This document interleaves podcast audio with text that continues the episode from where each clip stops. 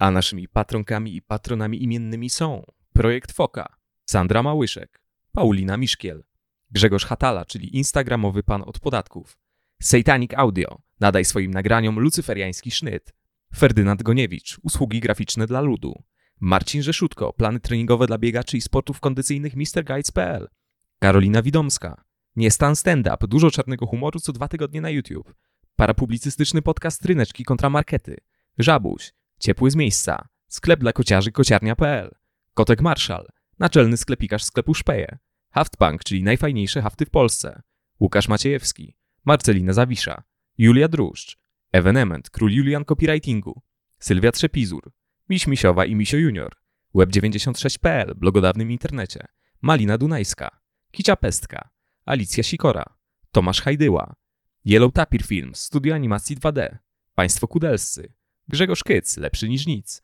Błażej Szkudłapski, czyli DJ z wąsem, który zakręci każdym parkietem, Krzysztof Słysz, autor fanpage'a Stalowy Księgowy, Paweł Maciejewski, Kasper Kopeć, Zofia Zin, Karolina Wielbacka-Lamus, Twingis, drugie życie książki w ciele plakatu, Jaszka z Kolumbii, Mieszko Minkiewicz, Emiot Protur, wyjazdy kolarskie, Foka i Morświn oraz Marcel Marszałek. Bardzo, bardzo, bardzo Wam dziękujemy. Podcast. Podcast o latach 90. i zerowych. Na początek trzy krótkie ogłoszenia. 27 e, października Podcastex wystąpi w Lunie na specjalnym, po specjalnym pokazie filmu Jesteś Bogiem. 3 listopada będziemy w Łodzi w EC1, e, a z kolei e, nasza książka Polskie Milenium jest już w sprzedaży i zachęcamy serdecznie, żeby ją sobie kupić. Link do zakupu w opisie. Barcek, jesteśmy już po wyborach. Mhm. Nie wiem, coś ci się tam rzuciło, jakieś takie nowe twarze w parlamencie, tam może z listy KO, jakieś takie nie, niespodzianki, ciekawe postaci. No ktoś tam wyrasta głową ponad ten anonimowy tłum, prawda, posłów. Starszak, to jest jakiś starszak, drugoroczny. tak, tak, no on musiał kiblować parę lat chyba rzeczywiście i, i, i w końcu, no w końcu mu się udało, no w końcu demokracja została obroniona. Tak. I wreszcie możemy powiedzieć oficjalnie, że Roman Giertych, proszę Państwa, powraca. E, powraca jak Batman w filmie Powrót Batmana, powraca jak... Jak co powraca, Mateusz, jeszcze? A, nie powiem. Powraca jak mięczak zakaźny u niektórych osób, które, które, które mają mięczaka zakaźnego na przykład. Tak jest. Nie będziemy przecież mówić jak bumerang z góry, no bo to jest bardzo niegrzeczne. Nie. Bo to by było niegrzeczne. Nie, I tak nie jest. I tak, I tak nie, nie, jest, jest absolutnie. Absolutnie nie. Słuchajcie, nowego parlamentu jeszcze nie ma, jak wiadomo, natomiast tak, wiele wskazuje na to, że mówimy tutaj o przyszłym pośle Romanie Giertychu. Jak powiedział mi prywatnie, ale mogę to powtórzyć chyba Krzysiek Tubilewicz, radiowiec i też część naszego zespołu od niedawna, że no słuchajcie, no, robiliście co mogliście, nie? co było w waszej mocy. Więc tak to właśnie wyszło. W razie czego pretensje nie do nas. No i tak, to oczywiście nie jest całkowicie nowa twarz y, w parlamencie. Jest to, jest to powrót do parlamentu Romana Giertycha, no bo dzisiaj y, damy dowody tego, na wypadek gdybyście zapomnieli, że Roman Giertych był w parlamencie z ramienia Ligi Polskich Rodzin i porozmawiamy innymi o tym, jak ta partia powstała, jakie były jej pierwsze lata i jakie były tego wszystkiego konsekwencje. Tak jest. Liga Polskich Rodzin to partia, która powstała w 2001 roku, w maju 2001 roku, e, złożona z kilku mniejszych ugrupowań natury narodowej, Mateusz. Tak? Tam były jakieś osoby ze Stronnictwa Narodowego, Stronnictwa Narodowo-Demokratycznego, to trochę jak Front Wyzwolenia Judei, nie? W żywocie Briana. E, z Młodzieży Wszechpolskiej, tak, byli też ludzie jakoś tam związani z Olszewskim, z Macierewiczem, z Janem Janowskim. No zresztą te, same te osoby też tam się, tam się znalazły, więc była to po prostu, był to taki klub, Mateusz, w którym każdy cool dzieciak w roku 2001 chciał się znaleźć. Po prostu szedłeś tam albo, albo nie wiem gdzie. No, no, no, to po prostu był polski klub Myszki Miki, e, można powiedzieć. Tak jest, tylko że w roli Myszki Miki, czyli patrona klubu występował ojciec Tadeusz Ryzyk. Więc tak, to, mm -hmm. to jest totalnie ta postać, którą dzieciaki na początku lat zerowych brały na sztandary bardzo chętnie. No co bardziej cool, oczywiście. Też miałeś tazosy z Ryzykiem, miałeś też? Oczywiście tak. I tatuaż. Y, taki permanentny, tak dodam przy okazji. Nie henna, tylko tak. Tak, Nad tak jest. Y, na, na lędźwiach. Zresztą do dziś, ale to już są oczywiście moje sprawy, więc tak, oczywiście tutaj ten patron był bardzo, bardzo istotny dla całej formacji i dla jej e, nagłej popularności. Może zacytujmy tutaj fragment z książki Imperator, to jest książka Piotra Głuchowskiego i Jacka Hołuba. 1 lipca 2001 roku LPR ogłasza start w wyborach pod hasłem aby Polska Polską była. Brzmi dosyć znajomo. Szefem ugrupowania jest Marek Kotlinowski, wcześniej prawnik ojca Rydzyka. Program Ligi Niepodległość, Praca, Własność i Bezpieczeństwo. Ksiądz dyrektor, zniesmaczony AWS-em, którego rząd kończy kadencję jako bezwładny, mniejszościowy gabinet bez społecznego poparcia, intensywnie popiera nowy twór. Politycy LPR, nowy twór. Politycy LPR zapowiadają na antenie rozbicie układu okrągłego stołu, wypowiedzenie układu stowarzyszeniowego z Unią Europejską, wstrzymanie prywatyzacji. No i oczywiście żadnych sojuszy z Unią Wolności. To jest najważniejsze. Naturalnie. Naszym głównym celem jest to, żeby te kurwy z UW. No tak, tak to, tak to mniej więcej wyglądało. No i jaki tu jest y, moment historyczny? No zresztą tak jak tutaj czytamy w Imperatorze, no ten AWS, no to biedunia pod koniec kadencji. No bida taka, to znaczy ogólnie bida, ochłodzenie gospodarcze, o tym też wspominaliśmy bodajże w drugim odcinku. Jakieś tam reformy sobie wymyślają, ale generalnie nic się nie dzieje, wszystko stoi. E, no i jeśli chodzi o sytuację gospodarczą i sytuację na rynku pracy to jest słabiutko, słabiutko, więc no jak wchodzisz w takim momencie jako taka właśnie bardzo prawa partia, no to rzeczywiście z jednej strony można by się zastanawiać, czy to dobrze, skoro ludzie są po tych no, nieudolnych rządach AWS-u, więc się odwracają od prawicy, co pokażą wybory w 2001, gdzie SLD zgarnie właściwie całą pulę, no ale z drugiej strony faktycznie możesz się pozycjonować jako ci prawdziwi, tak? Że tamci to byli udawani i w ogóle nieudolni, ale jeżeli chcecie głosować na prawicę, to my jesteśmy tutaj nową siłą, więc no kolejne takie ugrupowanie które wychodzi z jakiegoś takiego, wiesz, po prostu buntowniczego fundamentu, nie? że to no, czas na nowy porządek, ale też na normalność, bo to będzie oczywiście słowo, którym liga będzie się chętnie posługiwać. Tak, no tamci pozostali to udawańcy, prawda, my jesteśmy prawdziwe postsolidaruchy tak. i to tylko my będziemy walczyli z komunistami, komunistami, postkomunistami, którzy, którym akurat poszło dobrze w wyborach roku 2001, to spoiler, tak, I, i na to się zapowiadało, że pójdzie dobrze. Trochę to tak wyglądało w latach 90. i na początku zerowych, że że, że, że mm, lewica i prawica e, oddawały sobie nawzajem, e, nawzajem władzę, tak. jeśli chodzi o wybory parlamentarne, tak? Więc, więc rzeczywiście przyszła pora na te, na te, na te zmiany warty. No a LPR grał tą kartą, którą no, gra dzisiaj choćby Konfederacja, którą, e, którą grało wiele jakichś takich partii buntu e, w latach zerowych czy, czy w latach dziesiątych XXI e, wieku, e, czyli my tam wywrócimy im ten stolik, tutaj dosłownie stół, okrągły stół, e, no to, to, to, nie są, to nie są nowe rzeczy, zresztą e, tych powiązań pomiędzy Ligą Polskich Rodzin i Konfederacją będzie więcej, o czym powiemy. Content warning będziemy mówili o Krzysztofie Bosaku, nie? Tutaj trzeba powiedzieć, że osoby, które mogą być wrażliwe, powiedzmy na tę postać powinny, powinny to wiedzieć wcześniej. No i tak, no, wydawać by się mogło, że kurczę, no, partia powstaje w maju 2001 roku, wybory są parę miesięcy później, no kurczę, coś mało czasu, nie, żeby, żeby, się, żeby się przygotować. E, dodatkowo jeszcze, no właśnie, e, mm, okoliczności są i sprzyjające, i niesprzyjające jednocześnie, no bo jednak prawica, a, a prezydentem wtedy był niezwykle wciąż popularny e, Aleksander Kwaśniewski, który tam wówczas z Jolantą Kwaśniewską fotografowali się jako ta królewska para E, w, na, na okładkach czasopism. E, no więc, no, a tutaj wchodzą jacyś tacy goście, którzy, mm, e, część z nich, część z nich od jakiegoś czasu nie było, tak? Część z nich to, to były zupełnie nowe twarze, jak na przykład właśnie Roman Giertych. No ale jak oni to zrobili? Jak oni to zrobili, że, że no znów spoiler, mm, dostali się do tego, do tego Sejmu w roku 2001 mimo tak krótkiego czasu? No, od początku byli, można powiedzieć, wyraziści niezwykle. Tutaj jest taki e, kanał e, na YouTubie, który nazywa się Dawno temu w TV. Nie mylić tego z, z, z audycją e, Kamila Bałuka, która pod, nazywa się podobnie. I ten kanał, dzięki te, temu kanałowi możemy obejrzeć fragment takiej debaty, zgrywanej tutaj akurat z TV Polonia, w której wzięło udział trzech panów z LPR-u. Można też tak powiedzieć, że są trzy pokolenia tak, polskiej prawicy, no bo mamy 30-letniego dokładnie Romana Giertycha, mamy 42-letniego Zigiego, e, Wrzodaka i 53-letniego Antoniego Macierewicza.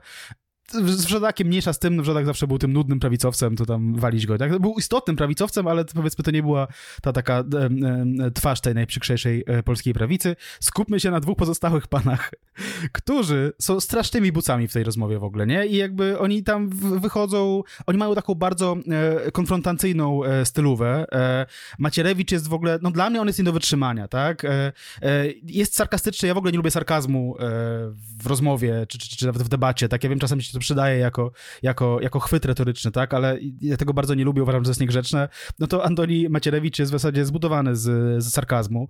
E, pokrzykuje, w ogóle tam jest przy okazji dość charyzmatyczny, trzeba powiedzieć, i, e, i jest, jest gościem, który, który na przykład, nie wiem, na, na, na, e, w takim momencie tej debaty, w którym e, doktor Wojciech Misiąg, który również tam był w studiu, e, doktor Wojciech Misiąg z Instytutu Badań nad Gospodarką Rynkową, e, on mówi wprost, że nie zgadza się z wcześniej postawioną tezą Macierewicza, że jak wszyscy wiemy, 10 lat od e, transformacji zostało zmarnowane. No to on mówi, że się nie zgadza z tym, a, a, a Macierewicz na to mu odpowiada, że to, y, mówiłem o budżecie, rozumiem, że jest pan zadowolony ze stanu budżetu. Jak wiadomo, że nie o to chodziło Macierewiczowi, no ale to odwracanie kota ogonem jest po prostu tradycją do dzisiaj, jeśli chodzi o Macierewicza. No i właśnie, no można, powie można powiedzieć, że w zasadzie czy Romanowi Giertychowi, czy w ogóle klanowi Giertychów możemy dziękować i zawdzięczać to, że Antoni Macierewicz do dziś jest w polskiej polityce i będzie jeszcze przez 48 tysięcy lat, dlatego że jak wszyscy wiemy, Antoni Macierewicz jest liczem, liszem, przepraszam. E, nie jest, nie, nie, chodziło mi ten, o ten owoc liczy, tylko jest liszem.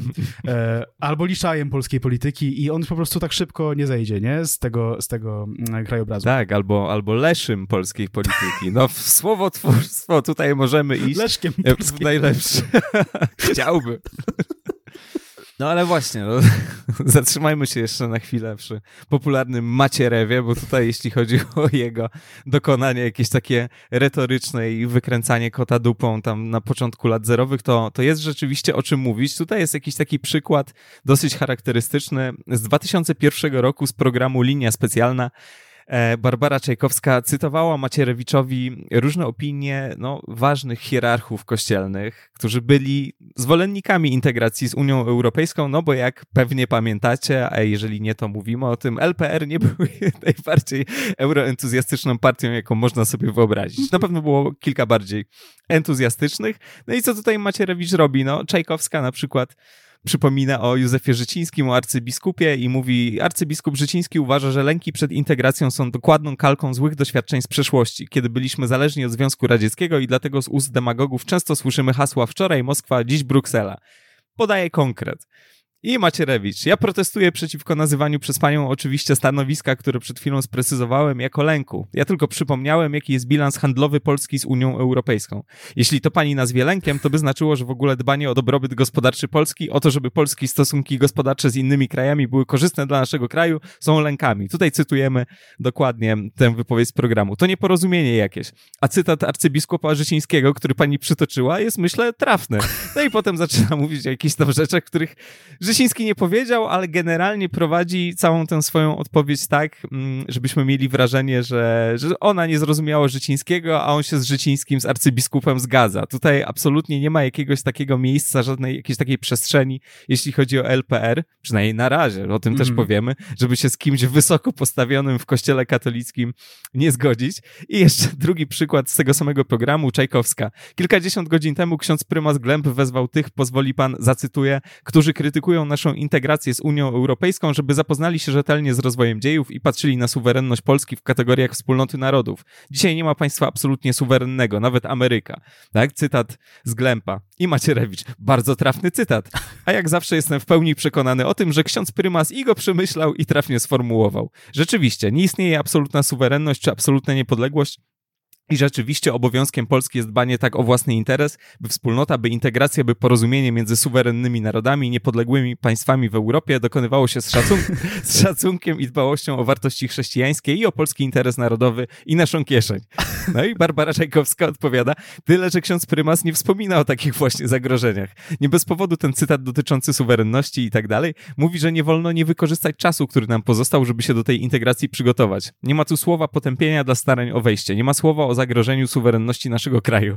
Macierewicz. No bardzo się cieszę, z tego co pamiętam tę wypowiedź na tyle, na ile dobrze ją wysłuchałem. Nie mam transkrypcji, tak jak pani przed sobą, tylko pamiętam ją ze słuchu. To było to wszystko mówione w kontekście pewnej misji, pewnego zadania, jakie stoi przed Kościołem katolickim, w tym także Kościołem polskim i przez to także przed Polakami i leci dalej oczywiście, podwijając to wszystko, no genialne. Nie? To doskonały jest to gość. skill, nie? Jest to, jest to, tak, jest to pewna umiejętność, wymaga to oczywiście no braku jakichś oporów moralnych, ale jednak jakiejś błyskotliwości przy okazji. No jest to, tak, rzeczywiście jest to nieznośne. To, to nie jest sympatyczny gość, ten Macierewicz. Jakbym był, no bo po pierwsze wyobraź sobie, że jesteś Barbarą Czajkowską. Przede wszystkim masz najlepszą stylową w polskiej telewizji ever i tutaj Tak mówię to absolutnie nieironicznie.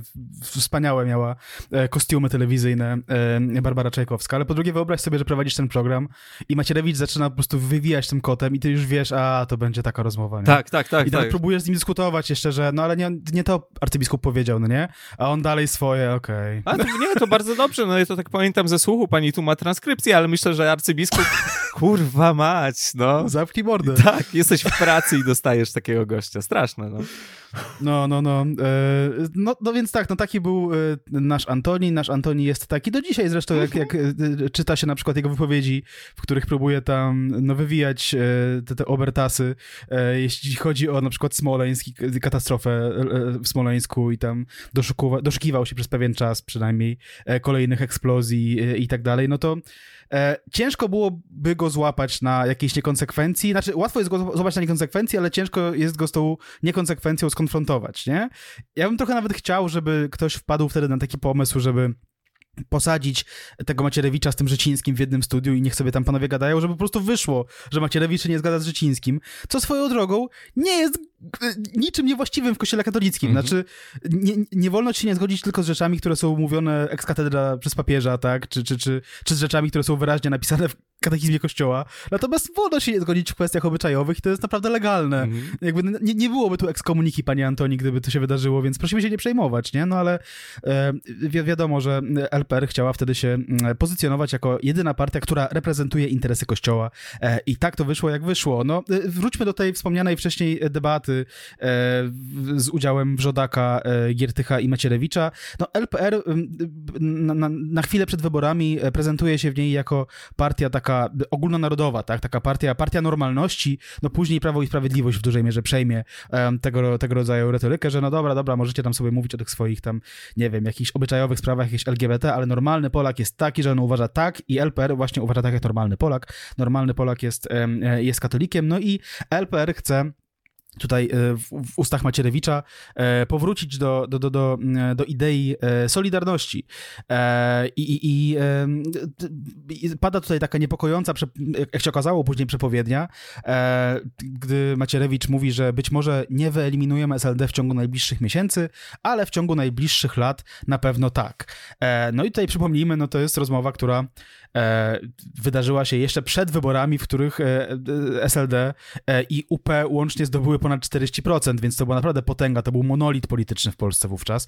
E, no i tutaj Macierewicz e, rzeczywiście wykazał się e, jakimś tam nosem, tak? Znaczy, ciężko było wtedy to wyczuć, że, że tak będzie. E, Być może to takie pierdolenie polityczne tylko i wyłącznie było, ale jednak e, wydarzyło się to, co przewidział wtedy na antenie. Tak jest, no zgadza się, to było właśnie w przededniu, no wtedy to był najwyższy wynik po 89, jeśli chodzi o wybory parlamentarne, ale tutaj Macierewicz wiedział, że no you gotta take some time, spokojnie, nie? jakby nie nerwowo, Mhm. jeszcze Leszek Miller się przemieli, jeszcze dużo rzeczy się wydarzy i w końcu, w końcu my, oczywiście w innej formule, tak naprawdę w innej formie, ale i LPR będzie miał e, swoje momenty powiedzmy chwały. Mhm. Tak, y, wracając jeszcze do tej debaty, interesującej rzeczywiście i dosyć takiej e, dynamicznej, w pewnym momencie tam się wy- wypowiada Mikołaj Dowgielewicz, wtedy w Unii Wolności, e, no i no, przypomina właściwie tak naprawdę, chociaż zdaniem panów sugeruje albo imputuje im, że no,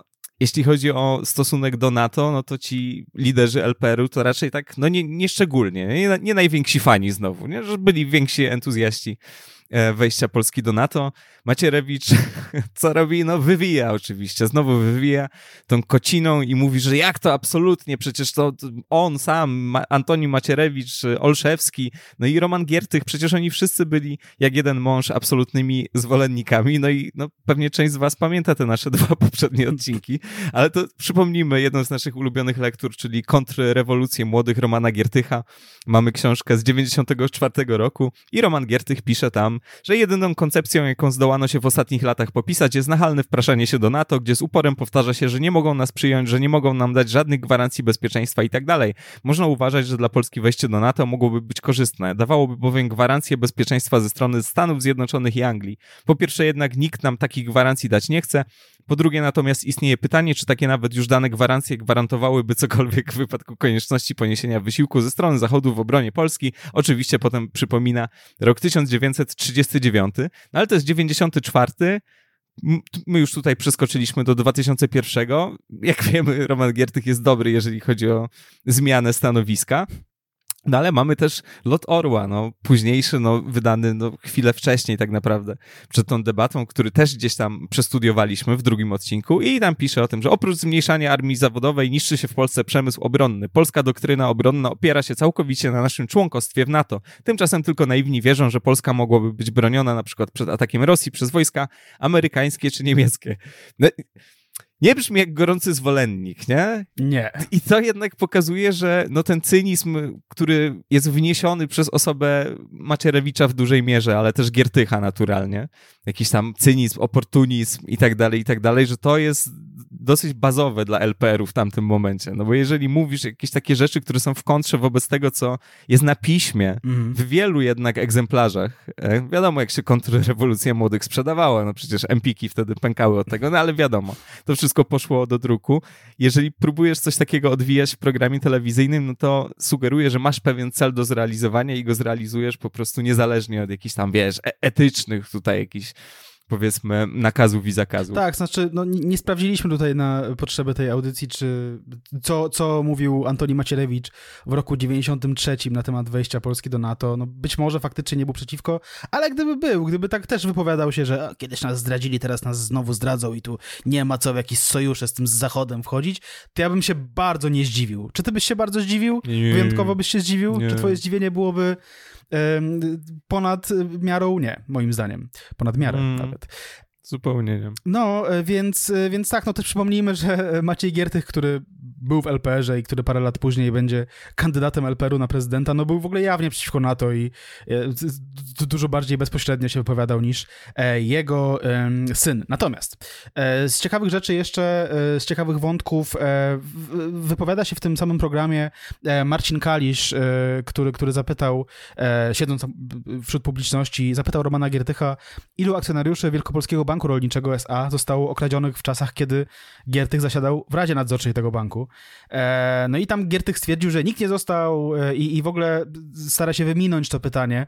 E, stwierdzeniem, że po tym, gdy NBP wprowadził do Wielkiego Polskiego Banku Rolniczego zarząd komisaryczny, to Wielkopolski Bank Rolniczy został sprzedany Bankowi Śląskiemu, który jest bankiem holenderskim. No po raz kolejny minister finansów, prezes NBP doprowadzili do sytuacji, to jest cytat z Giertycha, w której polski bank stworzony przez 5 tysięcy polskich rolników, e, słowo Polska często się przewijało wtedy w ustach, mm -hmm. E, polskich rolników został sprzedany obcemu kapitałowi, a myśmy o ten bank walczyli razem z panem prezesem Chatką. I teraz zapyta ten i ów o co chodzi w ogóle, o co chodzi z tym bankiem, no już tłumaczymy. E, to był bardzo, bardzo zabawny unik, znaczy specjalnie to ułożyliśmy w ten sposób w tej audycji, no bo e, wczujmy się w osobę, która zupełnie nie ma pojęcia, o co chodzi z tym bankiem, nie? I ogląda ten program w telewizji akurat, no i tam Giertych próbuje, e, próbuje unikać odpowiedzi, mówiąc, że no, polski bank teraz Holendrzy za psichuj przy, po prostu przejęli, co to się w ogóle wydarzyło, nie? No i można mieć takie wrażenie, że kurczę, no ten Giertych to faktycznie, no, to jakiś zarzut z publiczności, a ten odbił ten zarzut, nie? Co się wydarzyło tak naprawdę, o co tu chodzi? E, za tekstem Marcina Kąckiego pod tytułem Krótka pamięć posła Giertycha z roku 2006. To jest akurat e, fragment o Witoldzie Hatce, e, który był współzałożycielem LPR-u. Cytuję. Chatka 15 lat temu założył w Kaliszu Wielkopolski Bank Rolniczy za pieniądze kilku tysięcy rolników. 6 lat temu, Chatka, 6, 6 lat temu, czyli w 2000 roku, e, Chatka z banku wyleciał, po zarząd oskarżył go o prywatę, ale wrócił z pełnomocnictwami rolników i przejął władzę nad, na walnym zgromadzeniu. Został szefem Rady Nadzorczej Banku, a jej członkiem zrobił nieznanego wtedy bliżej Romana Giertycha.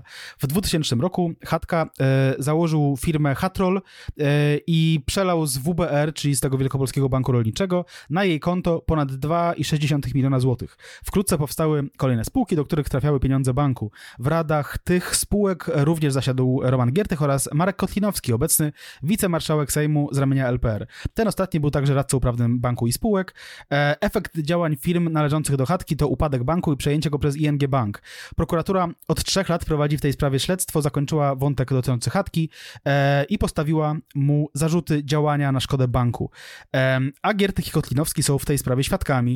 E, Giertych uważa również, że skandalem w tej sprawie e, nie są transfery jego kolegi, ale przejęcie WBR przez ING Bank. Przewodniczący LPR uważa, że bank był w dobrej kondycji, a holenderski bank przejął go za darmo.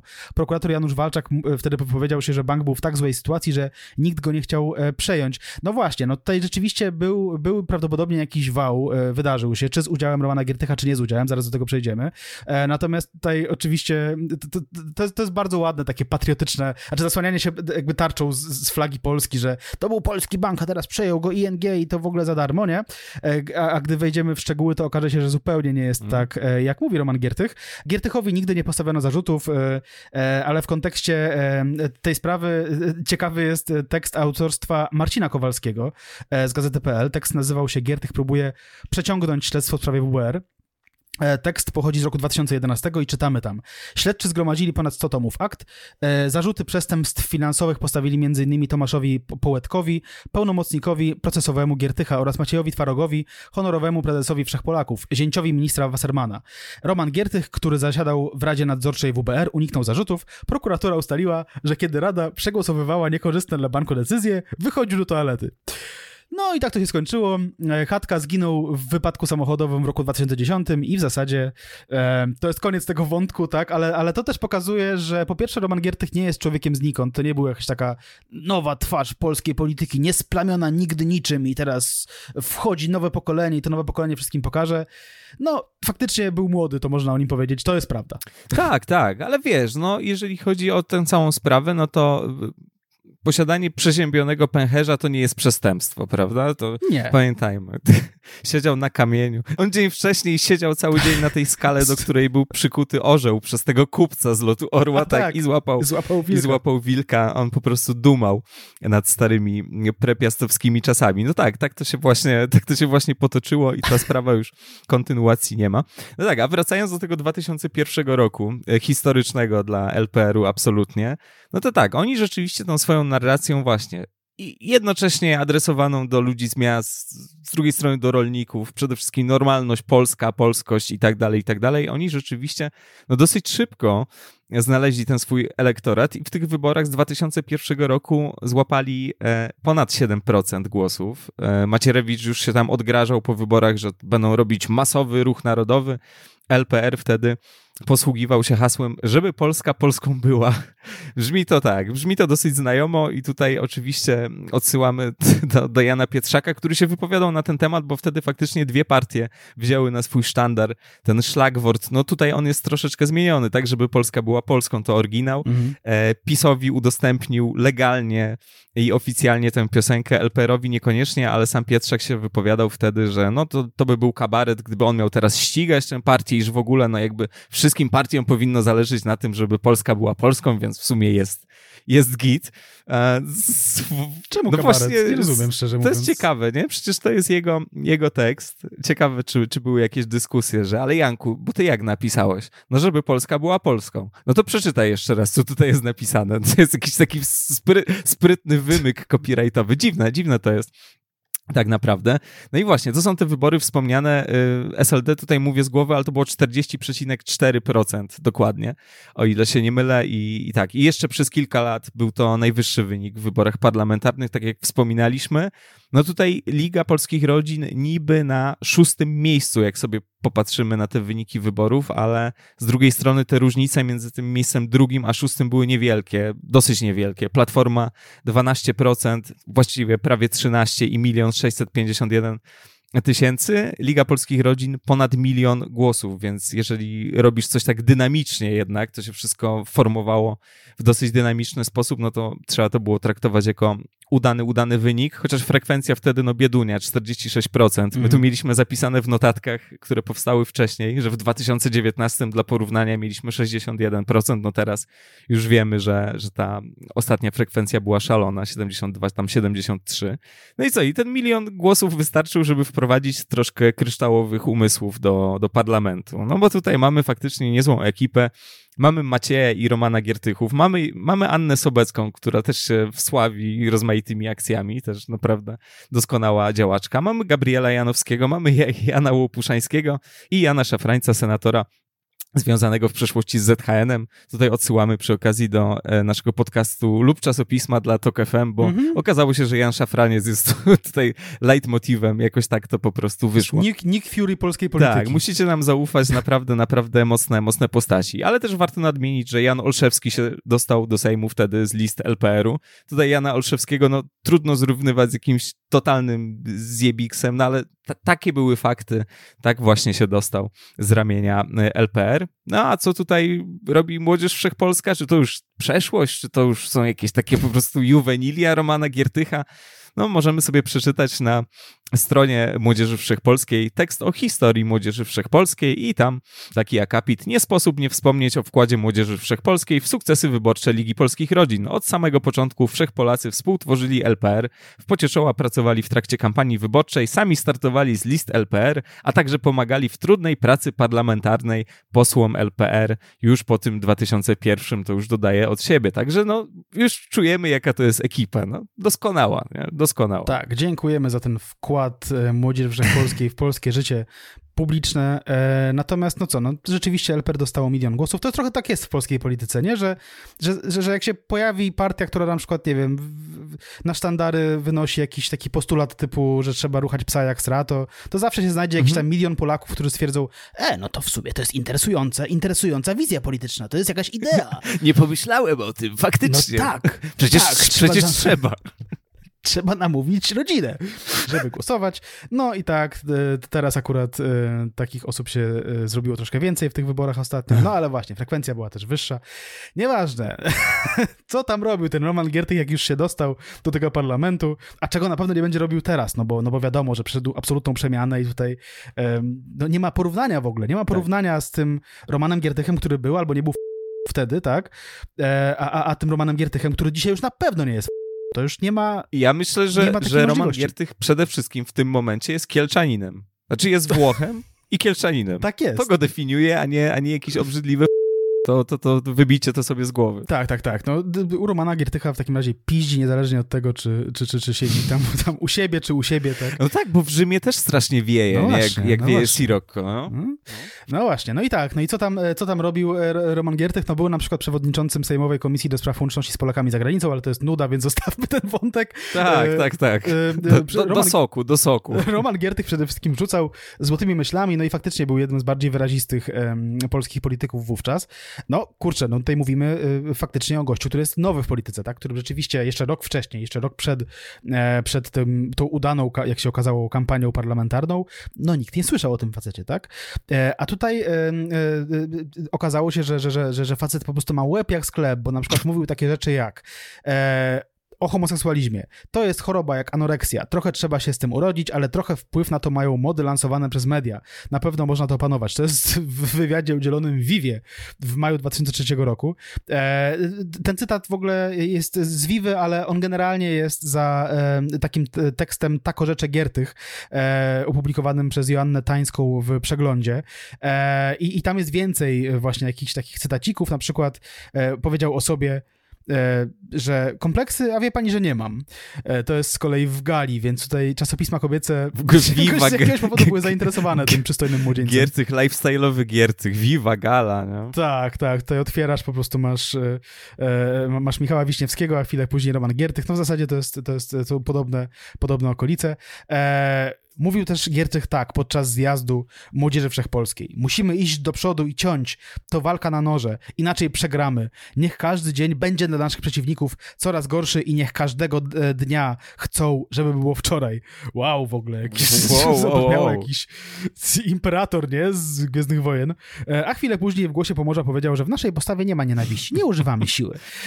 Więc no, trochę Giertych Ro, Tak, nie? Roman Giertych dzienny, Roman Giertych nocny. To, to, to jest... To to jest tego typu sytuacje. No tak, tak, no było tutaj parę jeszcze bardzo ciekawych cytatów, też z Gali znowu, znowu lifestyle'owy Giertych, nie mamy niczego swojego stylu, nie wiemy, czy Roman Giertych się tam pojawił wtedy, trzeba by to sprawdzić, ale tutaj cytat z Gali, Irakijczycy nie wymieniają Polaków jako agresorów przez wzgląd na papieża, bo polski papież jest przeciw agresji. Wiadomo, no, jeśli chodzi o cywilną ludność Iraku, jeśli chodzi o rząd, no to ten głos papieża Jana Pawła II był tak, decydujący, tak. nie? no bo jednak to jest stara enklawa katolicka na Bliskim Wschodzie, Irak i, i myślę, że to ich tutaj absolutnie, absolutnie uspokajało. Tak, ale nie miałbym nic przeciwko temu, aby Polska stała się w tym rejonie świata lotniskowcem USA. To jest cytat z kolei z Die Welt z 2004 roku, nie?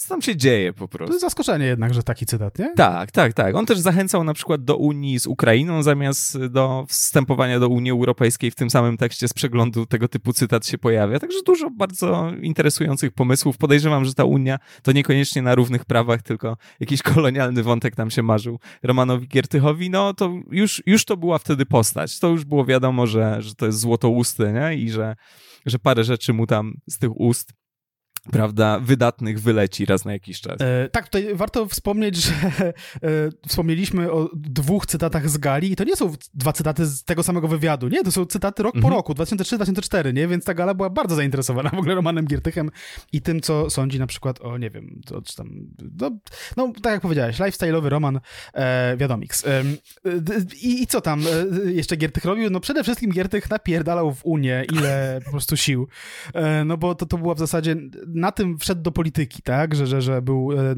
najbardziej e, antyunijnym prawdopodobnie e, politykiem w, w kraju, tak.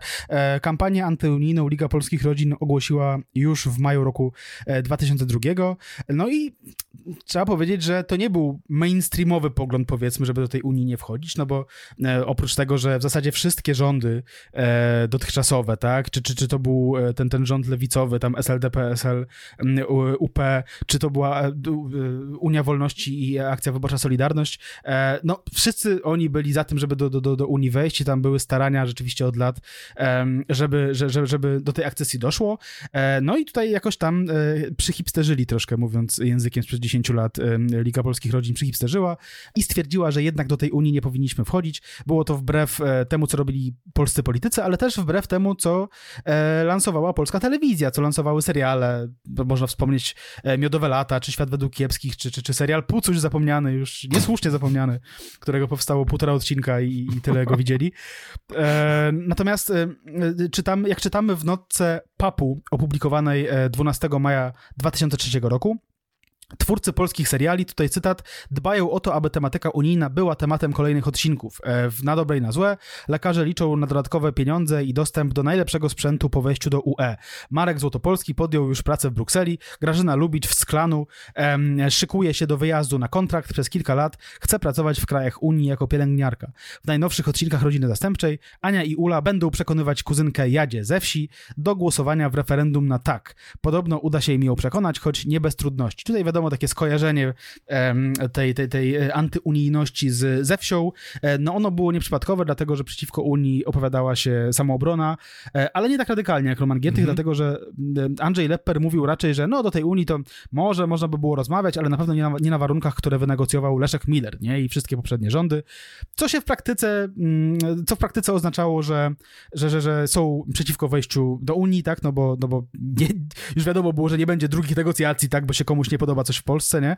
Natomiast to na pewno nie było tak wyraziste opowiedzenie się przeciwko Unii, e, jak w przypadku LPR-u. E, przeciwko Unii oczywiście też był Korwin, no bo tam wiadomo, tam e, niższe podatki za wiadomo kogo i w ogóle wiadomo, co robić z dziećmi, z psami i tak dalej, i tak dalej, ale zostawmy to, dlatego że Janusz Korwin-Mikke no, od dawna wtedy już nie był posłem, jeszcze długo nie będzie posłem, więc, więc to była raczej taka kanapówka. No więc kto wziął na siebie tę, tę odpowiedzialność, ten obowiązek, żeby obrzydzać Polakom Unię Europejską? No dwie osoby, Tadeusz Rydzyk i Roman Giertych, e, związane mocno ze sobą jakoś tam, nie? Tak jest, no i właśnie, widzisz, jedyna istotna siła polityczna, która jest no radykalnie, ostentacyjnie antyunijna, że nie, po prostu nie, chuja, no nie będziemy tego relatywizować, tylko nie, no bo to jest koszmar po prostu dla polskich przedsiębiorców, dla polskich rolników, ogólnie ubezwłasnowolnienie, no jakby wiecie, jeszcze będziemy przytaczać konkretne argumenty i kto wchodzi tutaj na scenę, na scenę tego odcinka.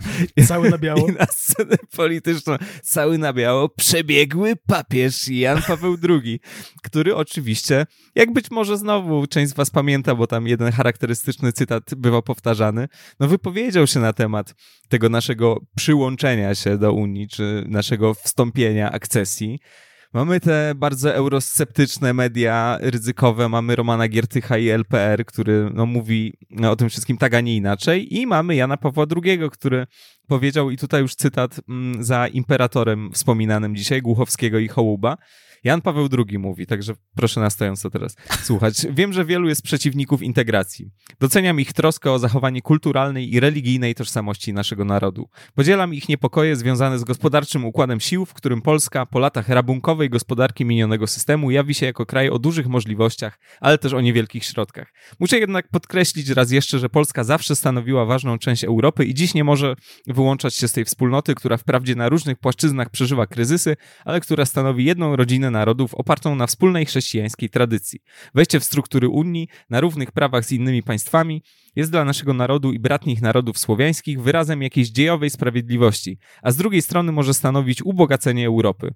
Europa potrzebuje Polski. Kościół w Europie potrzebuje świadectwa wiary Polaków. Polska potrzebuje Europy. Od Unii Lubelskiej do Unii Europejskiej to są słowa wypowiedziane w Watykanie podczas wizyty Aleksandra Kwaśniewskiego i te słowa od Unii Lubelskiej do Unii Europejskiej to jest coś, co było powtarzane wielokrotnie. No i co? Jakoś to utemperowało y, ojca ryzyka. No, wracając do tego Macierewicza, który nie chce się nigdy nie zgadzać po prostu z Glempem, czy, czy z Życińskim, czy z czymkolwiek. No tutaj ryzyk podchodzi do tego podobnie. Dobra, muszę wstrzymać ryj, no bo sorry, nie? Jestem duchownym, a tak powiedział Ojciec Święty Jan Paweł II. No i w Radiu Maryja, gdy dzwonili różni ludzie i wypowiadali się na tematy, niekoniecznie zaproszeni eksperci, tylko po prostu słuchacze i słuchaczki, jak to bardzo często na antenie tego radia, pojawiło się sporo jakichś treści antyunijnych i ojciec dyrektor stwierdził, że musi tutaj zaprotestować. No i odniósł się do tego wszystkiego. To jest istotne w kontekście tych giertychowych działań. Mówi ojciec Tadeusz Ryzyk. Przed chwilą usłyszałem tego pana, który mówił takie tam różne. Chciałbym być dobrze zrozumianym. Radio Maryja jest radiem katolickim. Jeżeli ojciec święty coś mówi, to my nie dyskutujemy z ojcem świętym i nie komentujemy jego wypowiedzi. My chcemy zgłębić jego naukę i musimy zrozumieć, co on mówi. W Radiu Maryja było tak dużo już powiedzianych różnych spraw, byli przeróżni prelegenci, że teraz odnośnie tych spraw, które mają się wydarzyć, każdy musi zadecydować sam. Myślę, że zakończeniem tamtych naszych spotkań automatycznie jest to, co usłyszeliśmy wypowiedziane przez ojca świętego. Tutaj potrzeba bardzo dużo dużo taktu z naszej strony. Na pewno patrząc, boże jaki to jest bełkot tak przy okazji, na pewno patrząc na wszystko wiem jedno, pozostała nam modlitwa, bardzo silna broń. Mówię to po to, by uszanować to, co Ojciec Święty powiedział. Kto jak kto, ale takie radio powinno to zrobić. I każdy niech bardzo odpowiedzialnie postąpi 7 i 8 czerwca przed urną, tutaj już dodatek, chodzi o referendum unijne, tu chodzi o Kościół i Ojczyznę. No nic, w niebie sobie powiemy więcej, jeżeli się dostaniemy. A jeżeli się dostaniemy do Unii czy do nieba... On se pogada z Wojtyłą. tak, tak, tutaj już, już nie wiadomo, więc no, ryzyk tutaj no, zdecydowanie się opowiedział po stronie, no, nie chcę powiedzieć euroentuzjazmu, ale po stronie no, słuchania papieża w tej kwestii, mhm. ale niekoniecznie to dotyczyło wszystkich innych przedstawicieli, czy przedstawicielek jego środowiska, na przykład Ewa Sołowiej, a dzisiaj e, Nowina Konopka, naczelna naszego dziennika od 1793 roku, e, od 99, ale po dziś dzień, więc jest to naprawdę duży, duży staż, sam dodawała do naszego dziennika jakieś antyunijne e, broszury, a prałat Jankowski 26 maja 2003 roku w kościele świętej Brygidy w Gdańsku, no, próbował przekonać wiernych, że, no, że papież to tam powiedział, ale on on wcale tego nie myślał tak naprawdę. Papież to powiedział, ale się nie zaciągał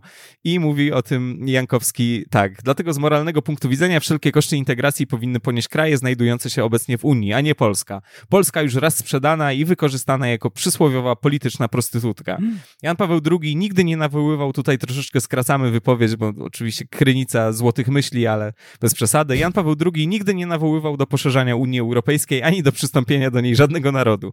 Nigdy też nie namawiał nikogo do zaakceptowania poniżających nas warunków ekonomicznych, politycznych i społecznych wstąpienia do Unii, a wręcz przeciwnie. Tydzień temu powiedział w Rzymie o wejściu w struktury Unii Europejskiej na równych prawach z innymi państwami Europy. No i tak to się właśnie działo z tą wypowiedzią, no było kręcenie, no bo kurde, no my już, my już się zdecydowaliśmy na to, że jesteśmy eurosceptycznym obozem i że to jest w sumie jakby oś naszego programu, a jeszcze przy okazji jesteśmy turbokatolicką partią, a tutaj Wojtyła nam robi takie świństwo, nam, no i trzeba było sobie jakoś z tym wszystkim radzić. No Macierewicz też się wypowiedział e, na ten temat i mówił, że Ojciec Święty mówił o słusznym i sprawiedliwym miejscu Polski w Europie. Mówił, że Polska w UE na równych prawach to jest wyraz sprawiedliwości, więc każdy generalnie wyciągał z tego, co chciał. No na pewno był to prawdziwy oręż dla tego środowiska eseldowskiego, które no niekoniecznie z, Kar z Karolem Wojtyłą było kojarzone, no ale mhm. w razie czego, no to mieli bardzo, bardzo mocny e, argument. No i tak jak wspominał Leszek Jażdżewski w Liberté w 2003 roku, tutaj cytat, papieżem zamykano usta przeciwnikom wstąpienia Polski do Unii Europejskiej, czyli po prostu można było e, Wojtyłą pozapychać e, usta w bardzo skuteczny sposób. Nie? Tak. E, papież e, stał się watą nie pierwszy raz i nie ostatni w trakcie swojej kadencji e, papieskiej. Jak się nazywa kadencja papieska? Pontyfikatu. W trakcie swojego pontyfikatu, dobra, zapomniałem jak się, jak się mówi. W trakcie swojego pontyfikatu tutaj bardzo interesująco na temat, na temat tych słów papieża, no które umówmy się, no były jednoznaczne, nie? Znaczy tam naprawdę trzeba było stawać na wiadomo czym, mhm. żeby żeby, żeby, żeby udawać, że papież e, wcale nie powiedział, że Polska powinna wstąpić do Unii Europejskiej. Ciekawie w tym kontekście wypowiedzieli się Andrzej Leper i Bogdan Pęk, ten drugi z Ligi Polskich Rodzin. Leper powiedział, że Ojciec Święty wypowiada się w trosce o Europę chrześcijańską, Europę, gdzie powinno być, jak podkreślił, partnerstwo. Nie powiedział jednak nic na temat warunków, na jakich my mamy wstąpić do Unii Europejskiej. Niekoniecznie musi je znać, bo ma wiele innych spraw na głowie. Pęk e, powiedział podobnie, chociaż mocniej jeszcze. Ojciec Święty zapewne nie zna traktatu akcesyjnego i dokładnych warunków, na jakich chcą nas przyjąć do UE. Gdyby lepiej znał warunki polskiego członkostwa w UE, nie wypowiadałby się w ten sposób. To pewnie prezydent Kwaśniewski namówił papieża, bo tak otwarcie poparł integrację Polski z Unią, więc oni tutaj już troszkę inaczej, w sensie rzeczywiście tak. papież poparł, ale w sumie też chuj się zna papież, nie? Na tych, na tych akcesjach i tak dalej. Może niech się y, Jan Paweł II zajmie, nie wiem, kultem maryjnym, a nie sprawami politycznymi, dlatego, że tam prawdopodobnie taki mały Kwaśniewski mu siedział na ramieniu. Tak, właśnie podoba mi się ten argument związany z Kwaśniewskim, że nie, bo to ten, to ten Olek durny go namówił, nie? Totalnie, w sensie, no, papież chodził na pasku Kwaśniewskiego. No wiadomo, te relacje między Kwaśniewskim a, a Janem Pawłem II były poprawne i to było też w interesie mm, Kwaśniewskiego. W pewnym sensie w interesie obu panów, ale kurwa, po prostu papież jest głową kościoła, a Kwaśniewski szyją, która kręci tą głową. Totalnie, totalnie tak właśnie było. Nie? Ciekawe. To, to, powiedział mu to wtedy Kwaśniewski, jak jechał z nim Papa Mobile wspólnie, nie? Tak, znaczy... tak, tak tak. To jest w ogóle śmieszne. Te, te relacje pomiędzy Kwaśniewskim i, i, i, Janem Pawłem II są bardzo zabawne w kontekście tego, jak bardzo to musiało mieszać w głowie, głowach prawicy, jak bardzo to Co musiało nie? powodować jakiś system error, nie? Że kurde, nie?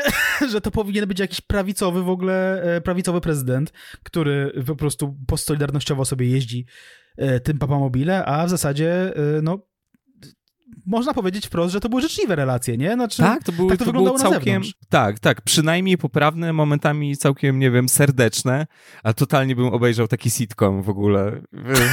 że siedzą w jednym domu? Ta, tak, tak, tak, tak, Lolek i Olek, coś takiego, nie? No najprostszy akurat pomysł, ale totalnie, no. Kwaśniewski i papież. Co robisz, Olek? Tak. Uczę, piszę magisterkę. I wiesz, tak i w Bazylice Świętego Piotra wszystko nagrywa. No, fajne. e, dobrze. E, no i tutaj co, na scenę, na arenę wydarzeń wchodzi e, Roman Giertych, który postanowił trochę uspokoić to całe towarzystwo. E, znaczy wiadomo, że Pęk tam e, no, przyznał, że papież jest za wejściem do Unii, ale, e, a, a, ale to pewnie wynikało z ignorancji papieża. No, tak to brzmiało. Giertych tutaj za papem wyjaśnił, że mówiąc to Pęk nie znał całej wypowiedzi papieża, więc to jest jakiś taki jeden wielki miks, wiesz, niedopowiedzeń, niedosłyszeń, ten nie przeczytał traktatu akcesyjnego, tamten nie doczytał tak. tego cytatu z papieża, no i wszystko się w ogóle popierdzieliło, Mateusz. E, natomiast tutaj co powiedział wtedy Giertych? Cytuję. Nieprawdą byłoby, gdybym powiedział, że Jan Paweł II wypowiedział się dokładnie po myśli LPR. To jest skomplikowane zdanie, nie? Powiedzieć, nieprawdą byłoby, że papież powiedział. E, nie, gdybym powiedział, że papież powiedział. Mm, natomiast dalej e, e, Giertych dodał, że słowa Jana Pawła II są nadinterpretowane, a przywódcy SLD w tej chwili chowają się pod sutannę. Według Giertycha, znowu cytat, zgrzytem jest to, żeby pan Leszek Miller stanowił twarz integracji. Zgrzytem jest także powoływanie się na papieża, bo program SLD nie jest zgodny e, z poglądami papieża.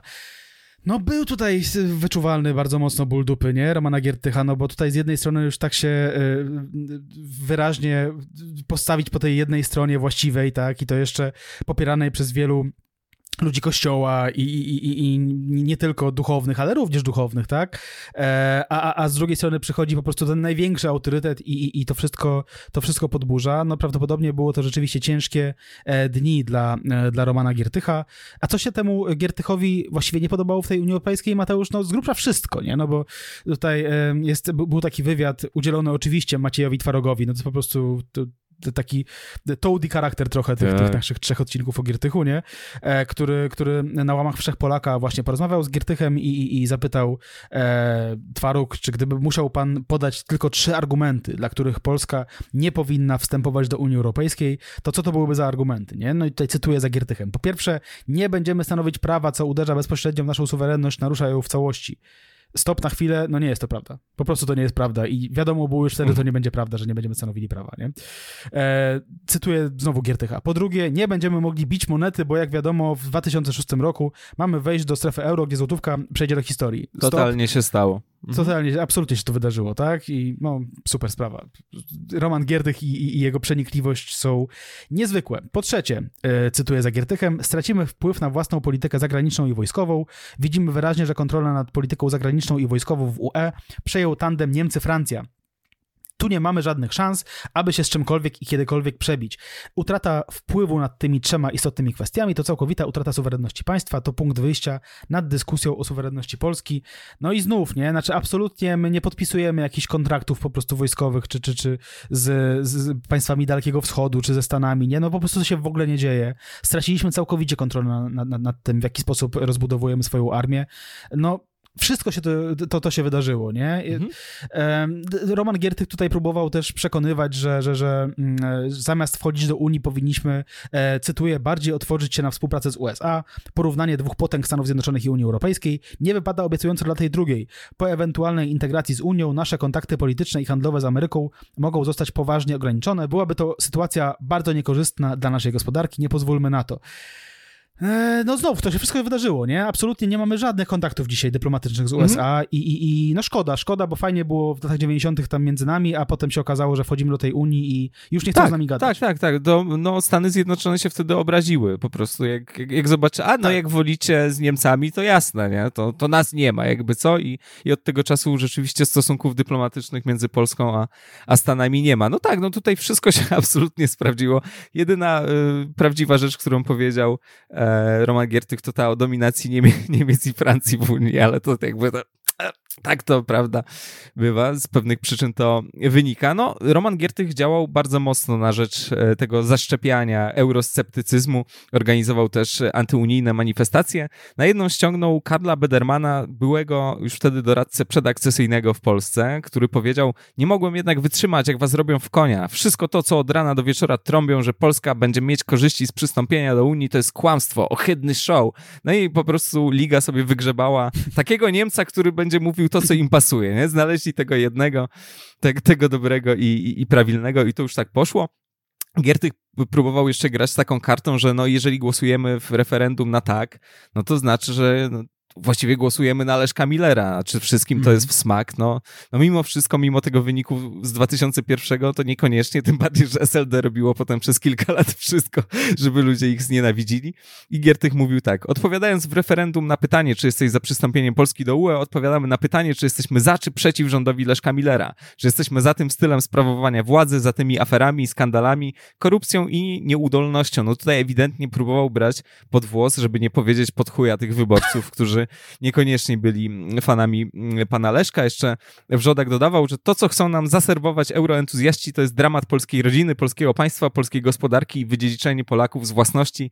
I mówił też, nawet jeśli euroentuzjaści odniosą sukces w referendum, to i tak przegrają za rok czy dwa, gdyż tak zły traktat został wynegocjowany. Też totalnie się stało, no faktycznie byliśmy w Unii Europejskiej no dwa lata tylko, nie? Tak naprawdę, więc tutaj jest mocna, mocna sprawa. No, co tutaj mamy grane? No jakieś po prostu zarządzanie strachem i jakieś emitowanie strachu. No to jest oczywiście znana strategia, też znana no, z działalności partii, która była u władzy przez ostatnie dwie... e, Wiadomo o co chodzi, no tutaj jest dużo tego typu pomysłów. No jeśli chodzi o poglądy Romana Giertycha i LPR-u na temat integracji Polski z Unią Europejską, to możemy sobie zerknąć na taką ulotkę e, LPR-owską, którą udostępnił jakiś czas temu na Twitterze Szymon Jadczak i tutaj mamy 10 powodów, dlaczego Polacy nie mogą zgodzić się na integrację e, z UE. No i jest mowa właśnie o tym, o czym mówił Giertych Twarogowi, tak, że stracimy suwerenność, że po akcesji Polski dojdzie do niekontrolowanego przez nikogo wykupu ziemi przez obcokrajowców. No to prawda, straciliśmy, par, paru z nas straciło działeczki, prawda, na tam na narodzie. Jak gdzieś Niemcy w ogóle teraz siedzą na, na Tak. posesji, daj Tak, spokój, nie ja się ich pozbyć, bo wykupili nam tę ziemię. Ja nie? wiem, ja wiem. Ja chciałem, chciałem urządzić rożen i zostałem pobity przez trzech Niemców. Może to jest przypadek, a może to jest właśnie efekt tej, tej polityki. Tak, mówi o deficycie w wymianie handlowej między Polską a innymi krajami Unii, który wzrośnie. Mówi o tym, że polscy rolnicy będą po prostu dyskryminowani. Mówi o tym, że polscy przedsiębiorcy no, nie będą mogli konkurować z przedsiębiorcami z Unii Europejskiej, że pojawi się na wschodniej granicy Polski no, nowa żelazna kurtyna, że to absolutnie już tutaj nie ma o czym gadać w kontekście jakichś stosunków z tymi sąsiadami za wschodnią granicą. Oczywiście mówi też o tym, że mm, no, stracimy swoją walutę, że pojawi się euro, także wszystko, wszystko totalnie, totalnie się stało, ale jest tutaj last but not least e, powód dziesiąty. Głosując przeciw Unii Europejskiej odwołamy jednocześnie rząd Leszka Millera. Jej. Myślę, że to było, to było najważniejsze, jeśli chodzi o agendę LPR-u w tamtym czasie. Tak, tak, tak. No, spoiler alert, weszliśmy do Unii, jesteśmy w niej do dzisiaj, e, jak pewnie wielu z was wie. I, no ale co, ale no weszliśmy do tej Unii. E, ale czy to było takie, kurde, głosowanie, które musiało pójść dokładnie tak, jak poszło? No nie, no, no nie. No, po pierwsze, ono było dwudniowe i okazało się, że to była słuszna, e, słuszna sprawa. No, musieliśmy oczywiście przebić ten, ten próg 50% e, osób, które, które, które wzięły w referendum, no po to, żeby to referendum było ważne. E, no i udało się go przebić, ale dopiero drugiego dnia e, i udało się o 8%. No z jednej strony to wygląda jak bezpieczny margines, z drugiej jakby wiatr powiał troszkę z niewłaściwej strony, no to, no to, no to mogło, być, e, mogło być tutaj różnie. E, oczywiście, gdybyśmy e, nie dociągnęli do tych 50%, no to e, jak tutaj cytuję Antoniego Dudka, e, który, który niedawno w ten sposób wypowiedział się w wywiadzie udzielonym e, Grzegorzowi Nurkowi z Tygodnika Powszechnego. Gdyby tej frekwencji w referendum zabrakło, to prawdopodobnie i tak Polska weszłaby do Unii, bo wtedy decyzję w tej sprawie podjąłby parlament i taki scenariusz był rozważany. Frekwencja poniżej 50% byłaby jednak dla Polski kompromitująca. Przeciwnicy Unii mogliby w przyszłości dowodzić, że akcesja była nie do końca prawomocna. No, gdyby do tego doszło, to absolutnie tutaj e, głównym sprawcą tego wszystkiego no, byłby Roman Giertych, no i, i, i już absolutnie nie śmieszkując, no to, to byłaby absolutna jakaś tragedia. No, jakbyśmy sobie tak podsumowali w ogóle, gdy, gdyby była jakaś taka alternatywna wersja historii, w której Polacy słuchali po prostu Romana i Macieja Giertychów, tak, w kwestiach tego, czy przyłączać się do NATO, czy do Unii Europejskiej i, i byśmy w rezultacie w latach 90. nie weszli do NATO, a w latach zerowych nie weszli do Unii, no to bylibyśmy w straszliwej geopolitycznej piździe obecnie, no. To, to byłoby potworne, tak? Znaczy, prawdopodobnie, nie wiem, no, nie chciałbym się tu mieszkać, no, tak szczerze powiedziawszy, więc e, i jak fajnie w ogóle byłoby podczas, znaczy wiadomo, że pewnie wtedy w ogóle ich historia potoczyła, potoczyłaby się inaczej, ale wyobraź sobie, że jakaś taka partia typu PiS dochodzi do władzy i, i nie ma nad sobą Unii Europejskiej, która jest ich w stanie trochę przyhamować raz na jakiś czas. No świetna, świetna sprawa, to byłby świetny kraj, w którym by się świetnie żyło, weszlibyśmy do nafty, proszę pana, e, e, podpisalibyśmy po prostu licz, liczne sojusze z, ze Stanami Zjednoczonymi, I byłoby świetnie, co nie? No i co ten Roman Giertych mówił tuż po tym, jak do tej, do tej Unii weszliśmy, jak się okazało, że, że, że referendum jest, jest ważne i że e, ponad 70% e, głosujących opowiedziało się za wejściem. E, wiemy to dzięki użytkownikowi YouTube'a, który nazywa się Jan Kowalski, który wrzucił taki nagrany fragment programu telewizyjnego tuż po referendum. Nie? I tam Giertych powiedział tak. Po pierwsze, chciałem bardzo serdecznie podziękować tym, którzy dzisiejszego dnia mieli odwagę pójść pod prąd i zagłosować na nie. To jest prawie 4 miliony naszych obywateli, którzy uznali, iż integracja Polski z Unią Europejską będzie dla Polski rodziła tak e, poważne koszty, że nie należy nam się, że nie należy się na nią decydować. E, chciałem tym ludziom podziękować, tym bardziej, że taki wybór był trudny w momencie ogłuszającej propagandy i tak dalej. Również dziękuję tym, którzy mieli odwagę dzisiaj świadomie e, nie pójść i zapamiętajcie Państwo jedno. Zapamiętajcie te partie i te osoby, które wzięły na siebie odpowiedzialność za wejście Polski do Unii Europejskiej.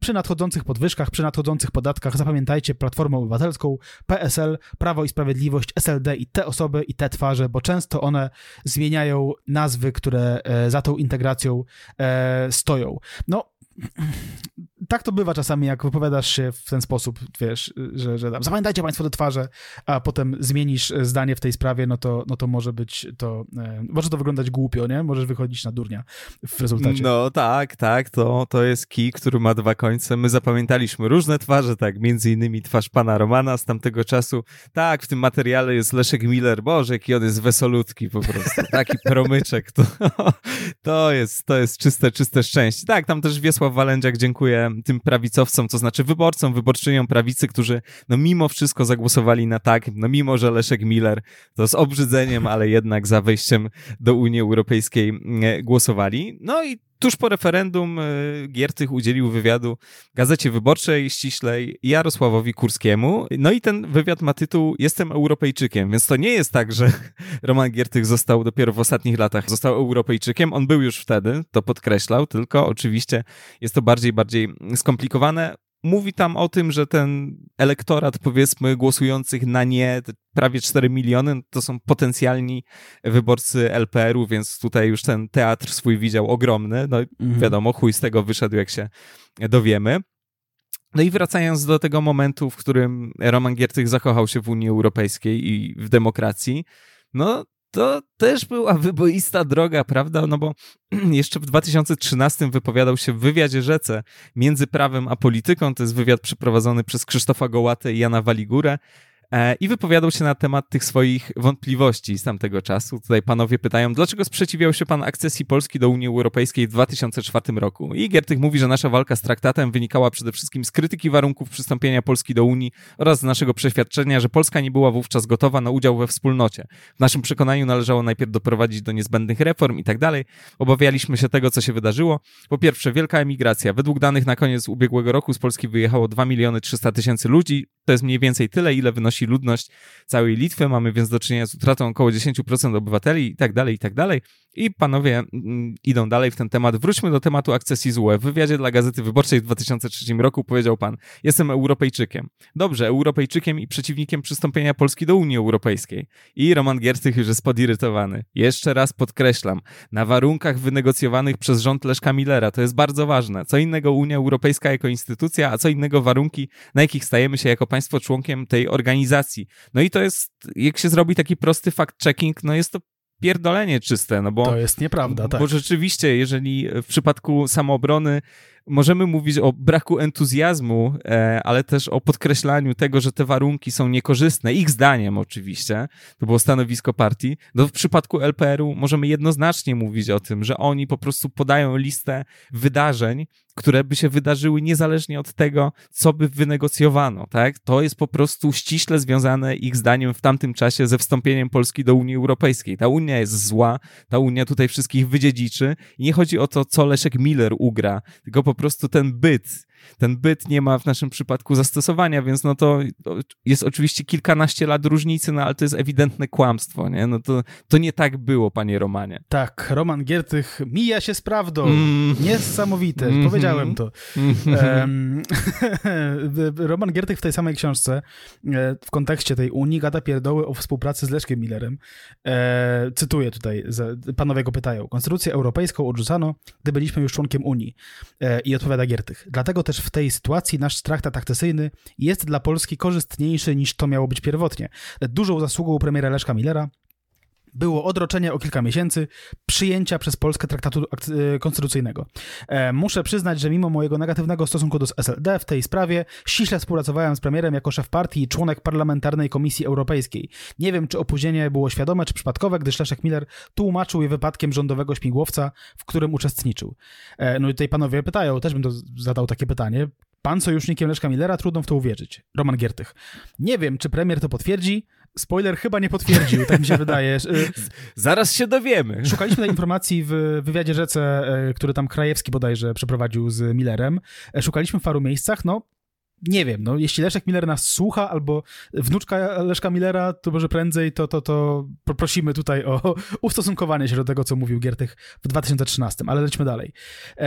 nie wiem, czy premier to potwierdzi, bo od czasu komisji e, orlenowskiej nasze relacje są raczej chłodne, ale bardzo często przychodził do mnie i mówił, panie przewodniczący, potrzebna jest jakaś mocna awantura, bo mamy problemy. My organizowaliśmy spontaniczne marsze i manifestacje, a premier mógł powiedzieć w trakcie negocjacji, że nie może odpuścić, bo w kancelarii prezesa Rady Ministrów szyby powybijają.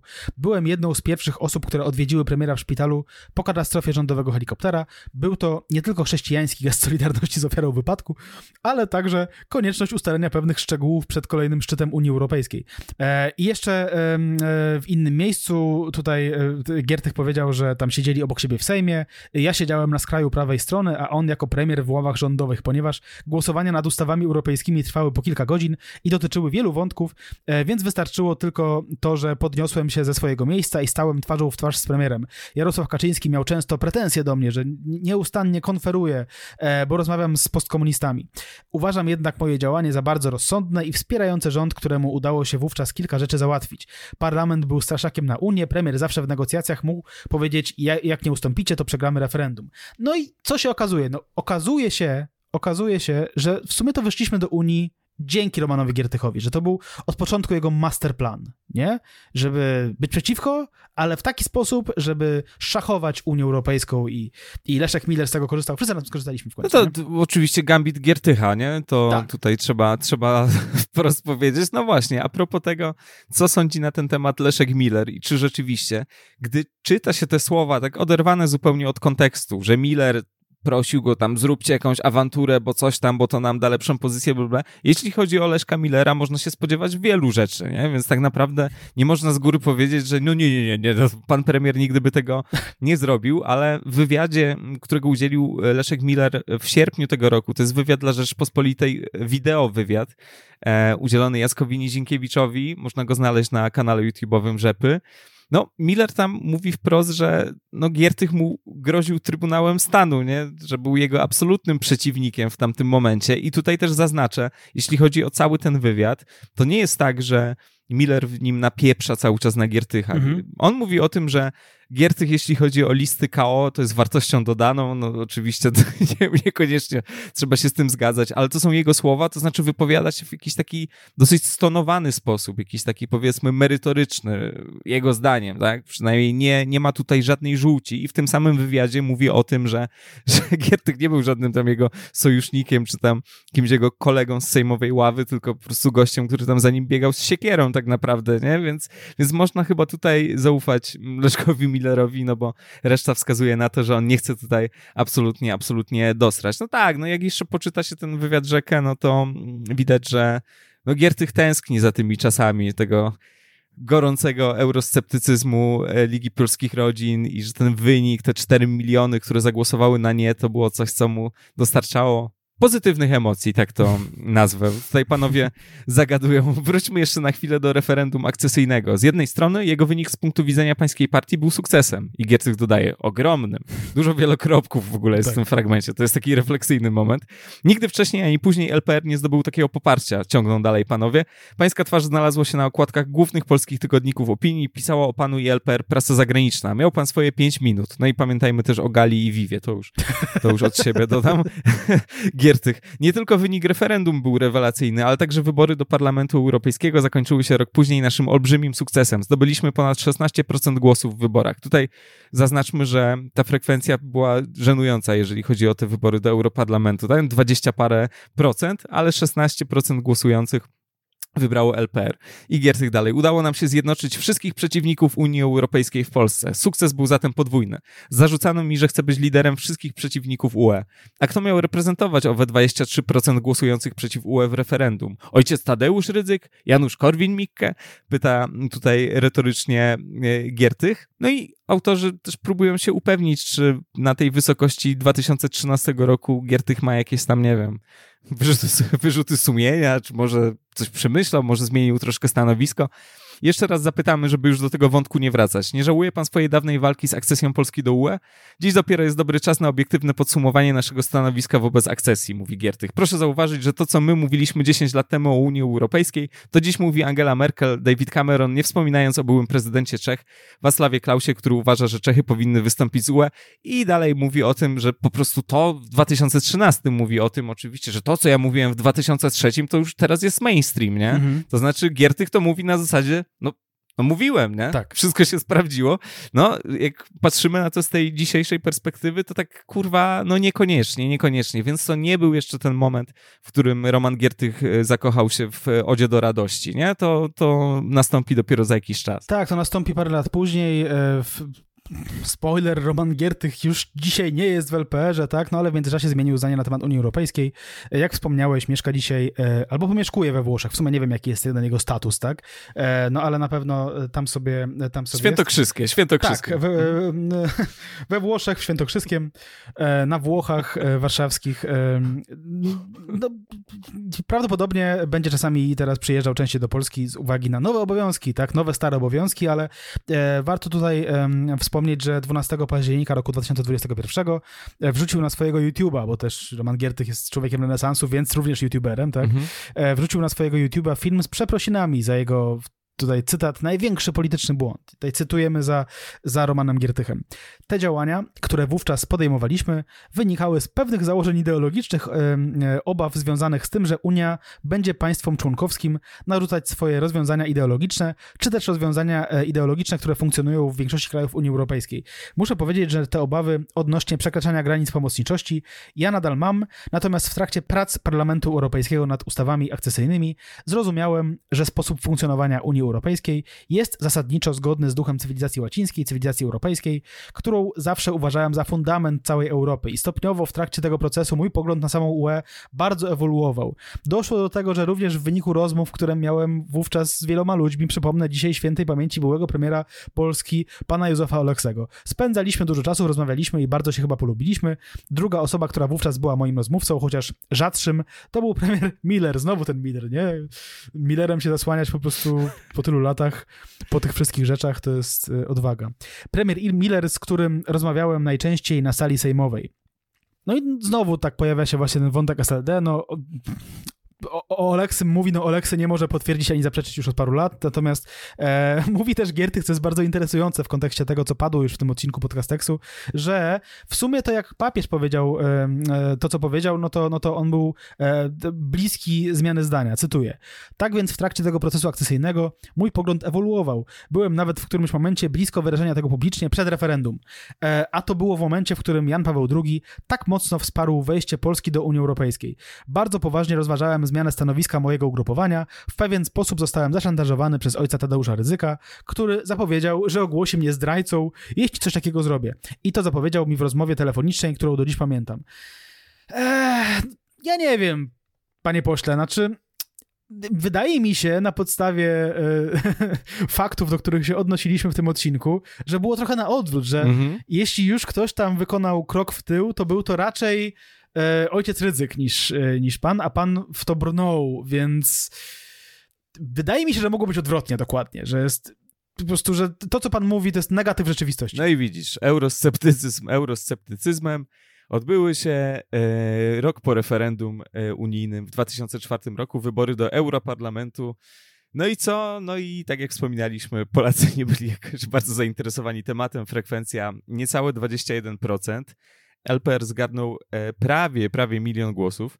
Więc kolejny wielki sukces. To było tam niecałe 16%, jeśli chodzi o o głosujących. Kolejny wielki sukces. Y, I jak to wszystko wygląda? No tak, mamy europosłów z ramienia LPR-u, mamy jątrzącego Giertycha, Mamy też e, tekst, okładkowy tekst Newsweeka autorstwa Michała Karnowskiego i Ameli Łukasiak. Tekst pod tytułem Imperium Romana. Bardzo dobry tytuł, nie ma tutaj o czym gadać. Tam się pojawiają jakieś rozmaite diagnozy dotyczące tego, że no będzie ten popis po 2005, a, ale będą mieli wspólnie jakieś tam 200 mandatów i żeby rządzić rzeczywiście będą potrzebowali tego LPR-u, a jeżeli wciągamy takich ananasków, to wiadomo, że skręcamy troszeczkę w prawo, więc no tutaj jasne chmury zdecydowanie nad Romanem Giertychem na, na tamtym etapie. Ten tekst jest też o tyle interesujący, że tutaj się pojawia no dużo jakiegoś takiego no, y, y, romantycznego gadania o samym sobie, ale też takiego rycerskiego. Jest to jednocześnie oczywiście pieśń o czynach. Zacytujmy tutaj fragment.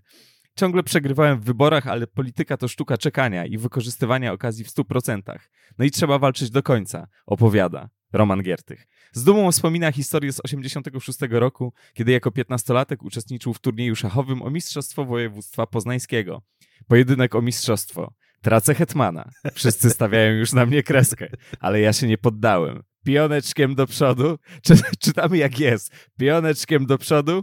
Poświęciłem jeszcze gońca, skoczka i konika. A to już jak często święcisz konika? To niestety. Ale potem dzięki szybkiemu wykorzystaniu ocalałej wieży dałem mata. Wygrałem. No jeżeli ktoś oglądał przeróbkę Borewicza, to myślę, że tak, że znajomy fragment się w głowie pojawia jak tutaj Bartek zauważył, wyobraź sobie, że jestem piłkarzem. jest niesamowity gość. To jest sztuka wygrywania, ale to jest sztuka czekania, nie? To jest sztuka, sztuka wojenna. On jest tutaj jakimś takim mm, daleko wschodnim, azjatyckim mistrzem, który mm. mówi o tym, że no take your time. Bo dokładnie tak azjatycy mistrzowie mówią. No i tak, no, z tych list LPR-u do Europarlamentu dostało się parę naprawdę zasnych postaci, no parę też dużych umysłów między innymi wspominany Bogdan Pęk, e, Witold Tomczak. Witold Tomczak to jest ten pan, którego możecie kojarzyć e, z rzeźbą Katelana, Lanona Ora, dziewiąta godzina, czyli papież przygnieciony meteorytem, więc można powiedzieć, że Witold Tomczak to jest ta osoba, która zniszczyła Wojtyłę. Tak? tak. To jest, on zrobił to, co się nie udało KGB. On zniszczył Wojtyłę swego czasu. No był też Wojciech Wierzejski, no też myślę, że niektórzy z rozrzewnieniem wspominają postać, bo znowu... Blondaska naszego. tak, duży, duży mózg. Na tyle duży, że w 2007 już tam po kolejnych y, wyborach, po tych przyspieszonych wyborach, e, pisał o nim gość niedzielny no i wspominali o nim i to, to, to, jest gość niedzielny, ale to nie jest jakoś podane afirmatywnie tak do końca. W sensie oni chyba też czuli, że e, tłumacz. Mm. Mianowicie pisali tak o Wierzejskim. W prasie pisano, że ze względów higienicznych odmówił, względy higieniczne wzięte w cudzysłów, odmówił podania ręki organizatorom Parady Równości. Na swej stronie opublikował listę gejów i lesbijek, a na drzwiach biura poselskiego wywiesił kartkę. Pederastom i dziennikarzom Gazety Wyborczej wstęp wzbroniony. Tak na marginesie, ciekawe, że rozdzielił te dwie grupy, tak. nie? bo akurat tutaj, no tak, no, to już nie, nie dopisywałem, prawda? To już napisałem. E, dostał się też do Europarlamentu oczywiście Maciej Giertych, Nestor Rodu e, o tym zamieszaniu związanym z antysemicką książeczką, z unijną flagą na okładce wspominaliśmy chyba nawet w pierwszym tak mi się wydaje, e, no. odcinku, no. tak. Jeśli chodzi o błyskotliwe kariery polityczne, no kto został wtedy asystentem eurodeputowanego Macieja Giertycha? Został nim Krzysztof Bosak, dziarski chłopak z Młodzieży Wszechpolskiej, no i to był faktycznie taki realny start tej jego politycznej drogi. To już nie są lekcje WOS-u, to już nie są debaty oksfordzkie w szatni, tylko to już jest poważna sprawa Europarlament. Tak jest. Tutaj wspomniałeś o tych wynikach. E, no właśnie, czemu tak dużo e, osób weszło z list LPR-u, prawda, tutaj po tych wyborach? No temu właśnie, że, że ta frekwencja wyniosła 21%, jak wspomniałeś. E, I tak, żeby pokazać skalę tego, co się wtedy wydarzyło, na pierwszym miejscu była Platforma Obywatelska, która zdobyła wówczas 1 467 tysięcy głosów.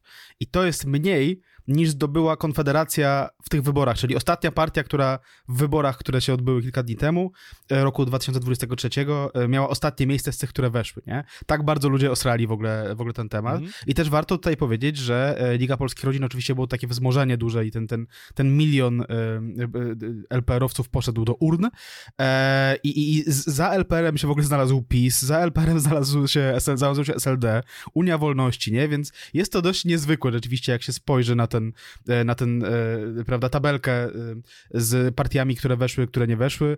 Tak, no faktycznie Polacy, no, to, to nie był jedyny raz, kiedy, kiedy tak jakoś trochę, trochę nie, nie chciało im się iść do urny, jeśli chodzi o eurowybory. Jakoś nikt chyba nie potrafi tutaj wyjaśnić Polakom, że to też jest w sumie dosyć istotne, nie? Mhm. E, no dobrze, ale co porabiał w międzyczasie Roman Giertych? Roman Giertych e, działał sobie e, bardzo żwawo w Komisji Śledczej w sprawie afery Orlenu. Nie będziemy tutaj może streszczali tej, tej, tej afery, no bo ona jest bardzo wielowątkowa i bardzo skomplikowana.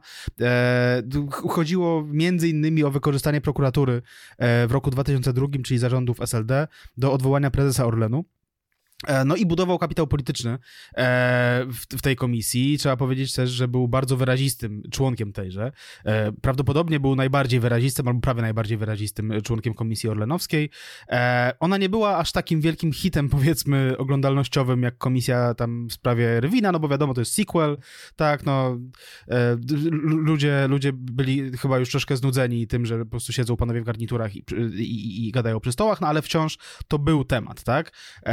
I, i to, to był temat tym bardziej, że Roman Giertych miał okazję przesłuchiwać na przykład Leszka Millera czy Jolantę Kwaśniewską. Chcieli przesłuchiwać też Aleksandra Kwaśniewskiego. Aleksander Kwaśniewski stwierdził, że a może jednak nie. I ponieważ miał takie prawo jako prezydent, to, to, to stwierdził, że nie. Zresztą była na ten temat nawet piosenka kultu powstała wtedy, taka z takim, Kazik był bardzo oburzony tym, że prezydent e, nie wystąpił. E, no zresztą kurde no. E, to jest pod dyskusję w sumie faktycznie, czy powinien był wystąpić, czy nie. Mhm. E, natomiast czy by mi się chciało rozmawiać z Romanem Giertychem e, przed kamerami? Nie specjalnie, nie szczególnie.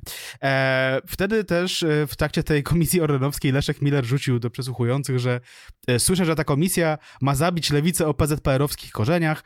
Jestem przedstawicielem takiej lewicy i wiem, że jej się zabić nie da. Powiedział przyszły członek samoobrony i, i, i no nie wiem, panie Leszko, no wydaje mi się, że tutaj Antoni Macierewicz był trochę lepszy, jeśli chodzi o przewidywanie przyszłości, zwłaszcza przyszłości PZPR-owskiej lewicy w Polsce.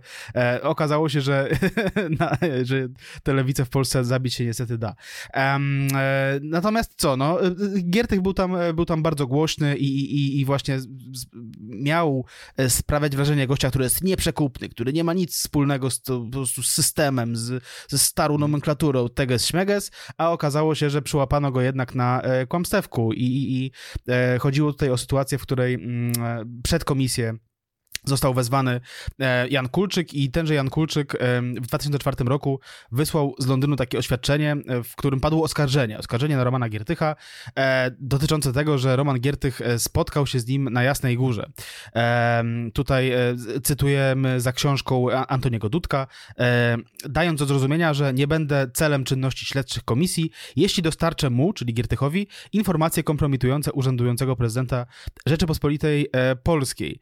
No i co na to Giertych? Giertych troszkę zaczął kręcić, znaczy mówił na początku, że no tak, no tam się niby przelotnie spotkał na Jasnej Górze z Kulczykiem, w ogóle na Jasnej Górze ten kontekst jasnogórski tutaj też jest mm. interesujący. E, a, a potem okazało się, że, że, że jednak to spotkanie nie było takie przypadkowe i nie było takie przelotne, jak, jak przedstawiał to Giertych. E, i, i, I no rzeczywiście były wtedy takie okładki, na przykład Angora było, e, e, wyszła, która miała okładkę z Romanem Giertychem, Janem Kulczykiem i taki napis mamy cię, tak? Znaczy złapaliśmy tego antysystemowca na ściemie. Czy ostatni raz Chyba nie. Tak, to była jakaś bardzo, bardzo skomplikowana sprawa.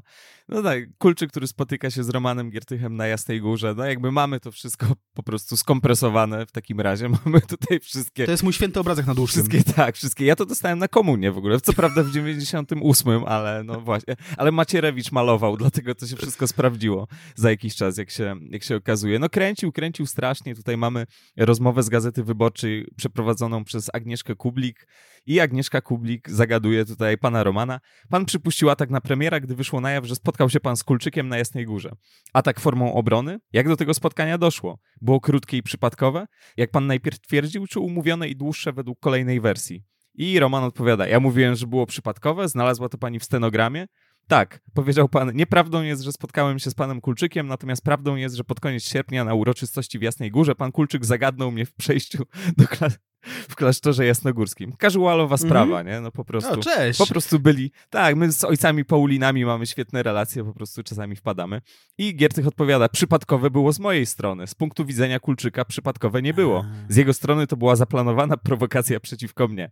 I odpowiada dziennikarka. Kulczyk twierdzi, że spotkanie trwało kilkadziesiąt minut, że odbyło się przy obiedzie, a pan, że krótkie i na korytarzu. To jak było?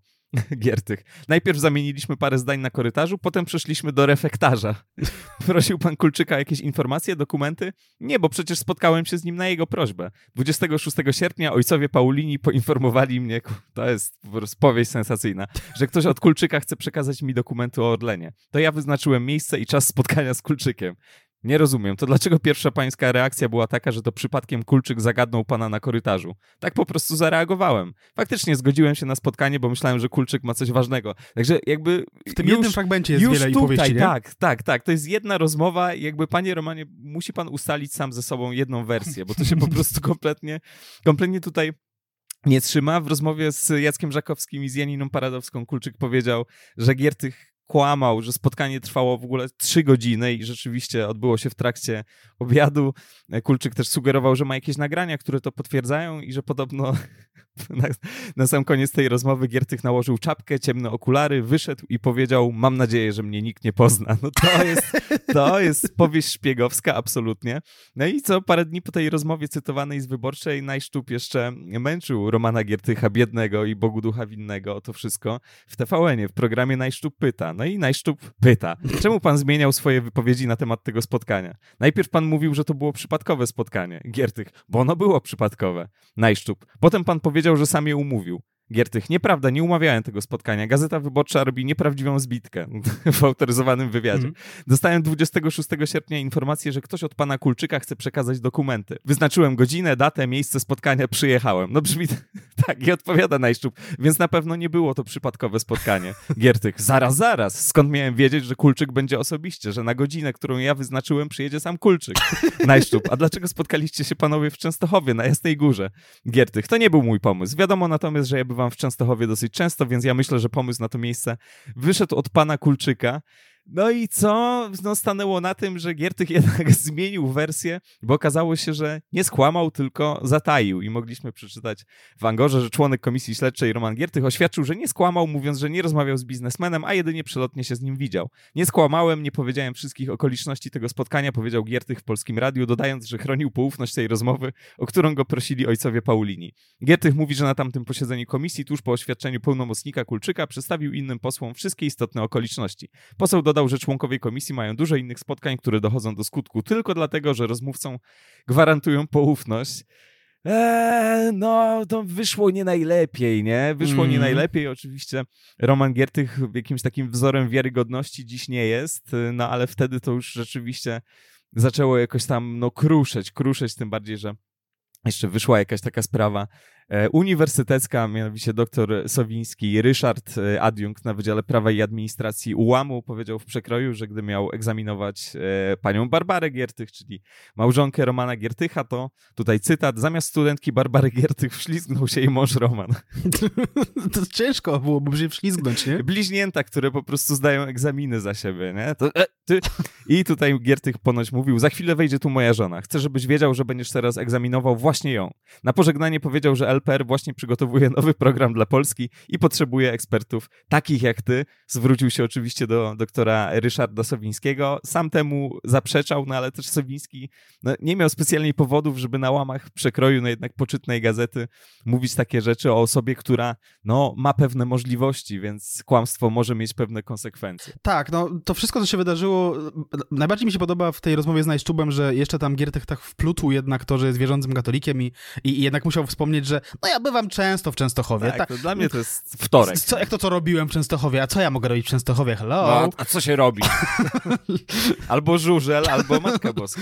Najpierw na żużel, a potem e, przed świętą panienkę. No tak, tak, no, e, e, tak też e, minął Romanowi Giertychowi rok 2004 na tłumaczeniu się z tego, czy z kim się widział, gdzie i czy to było przypadkowe, czy nieprzypadkowe spotkanie. E, e, I nadszedł rok 2005, 2005, czyli rok wyborczy, ostatnie e, miesiące PZPR-owskiej lewicy, e, jak to ujął Leszek Miller przy, przy władzy i, i, i LPR oczywiście zaczął na chrzaniać liczne spoty wyborcze w telewizji. Wydawać by się mogło, że no kto byłby idealnym prezydentem z list LPR-u? No wiadomo, że Mirosław Orzechowski, ale Mirosław Orzechowski pewnie nie chciał, no więc kto? Pewnie Roman Giertych, no ale Roman Giertych był z kolei za młody i to był za młody o parę miesięcy tak naprawdę, bo miał 34 lata w 2005 roku, e, a prezydent w Polsce musi mieć 35, e, więc my, ty już możesz, Mateusz? E... Nie, jeszcze nie. Jeszcze. Kurde, ja a jestem, widzisz? Ja jestem właśnie Giertychem wtedy, tylko że ja nagrywam podcast z ziomkiem, a on... a on spotykał się z Kulczykiem na Jasnej Górze, nie? No. Otóż to. Oni nagrywali podcast na Jasnej Górze. a tak, bo tam była w ogóle też jakaś, taki, taki wątek nagraniowy, że tam Kulczyk miał mieć nagrania tej rozmowy i tak dalej, nic z tego w końcu tak, nie wyszło. Tak, Ale tak. anyway, to czyli prawie podcast, można powiedzieć. Um, anyway, no stanęło na tym, że kto będzie idealnym prezydentem e, polskiej prawdziwej prawicy, no Maciej Giertych. Pewnie. no bo czemu nie, tak, nazwisko i tak dalej. Maciej Giertych miał wówczas lat 69 i e, w całym kraju e, porozwieszane były billboardy i plakaty z e, no takim, takim swawolnym uśmiechem Macieja Giertycha, takim lekkim uśmieszkiem, takim, o którym mówiliśmy już w kontekście okładki jednej z jego książek. Swawolny, tak. To, to jest dobre słowo, to jest odpowiednie słowo. Um, tak, pamiętam, że na Saskiej Kępie w Warszawie ktoś dorysował straszną rzecz. A to nie grzeczne, to nie grzeczne Potworną, bardzo. ale też ta rzecz była bardzo szczegółowo, powiedzmy, odwzorowana. I czy się zaśmiałem? Absolutnie nie. To nie jest, to nie jest mój poziom, Mateusz. Tak, tak, tak. tak. Natomiast Maciej Giertych był, był podpisany hasłem wyborczym z nadzieją w przyszłość świetnym i był sfotografowany, znaczy sfotoshopowany na tle takiego złotego łanu, takie, takie złote pole, nie? I ktoś to skojarzył bardzo mocno z, z, z, z, olejem, z reklamą oleju takiego z pierwszego tłoczenia, więc powstała taka przeróbka jeszcze w takim wczesnym internecie. Znaczy, nie aż tak wczesnym, ale na gronie już tam latały takie przeróbki, że, że, że profesor Maciej Giertych z pierwszego tłoczenia, Liga Polskich Rodzin i obok jest tam ten, to, to zdjęcie oleju, tak? Można to sobie zobaczyć w internecie dzisiaj, jak się wpisze Maciej Giertych prezydent. No i co, no dlaczego mówimy o memie? Dlatego, że ten mem niechcący, tak, tak stawiamy, przedostał się do książki autorstwa Macieja Giertycha, do autobiografii Macieja Giertycha, gdzie jest taki krótki, to dwustronicowy, dużo powiedziane, no półtora stronicowy powiedzmy rozdzia, rozdziałik o tym, jak to, jak to Maciej Giertych starał się być prezydentem. I tam no, chcieli pewnie pokazać, no, jak wyglądała ta kampania, więc pokazali ten, ten billboard tak wyborczy, no ale prawdopodobnie nikt nie zauważył tego oleju i w książce Macieja Giertycha jest mem z Maciejem Giertychem. I to nie właśnie jako komentarz, że, że szydzili z nas, z naszej idei. Nie, nie, to jest po prostu dokładnie to. No i dlaczego tak jest? No prawdopodobnie dlatego, że, ten, że ta przeróbka jest najlepszą rozdzielczościową, powiedzmy, artefaktem z tamtych, z tamtych wyborów. To jest to coś wspaniałego. A macie, macie plik z tym plakatem, żeby to tam wrzucić? Nie, no weź z internetu po prostu. No, no to które będzie miało największą rozdzielczość. Dobra, dobra. O której dojemy do drukarni? Za dwie godziny. tak, tak, tak, tak. To jest jedna z najlepszych rzeczy na świecie, naprawdę. To, że to poszło, to, żeby było jasne, to nie jest opatrzone żadnym komentarzem, że no, złośliwi przerabiali, czy coś w tym guście. To jest ewidentnie, ewidentnie pomyłka. Profesor Maciej Giertych z pierwszego tłoczenia, butelka oleju. Piękna, piękna rzecz, no. E, no, Maciej Giertych nie został prezydentem, Mateusz.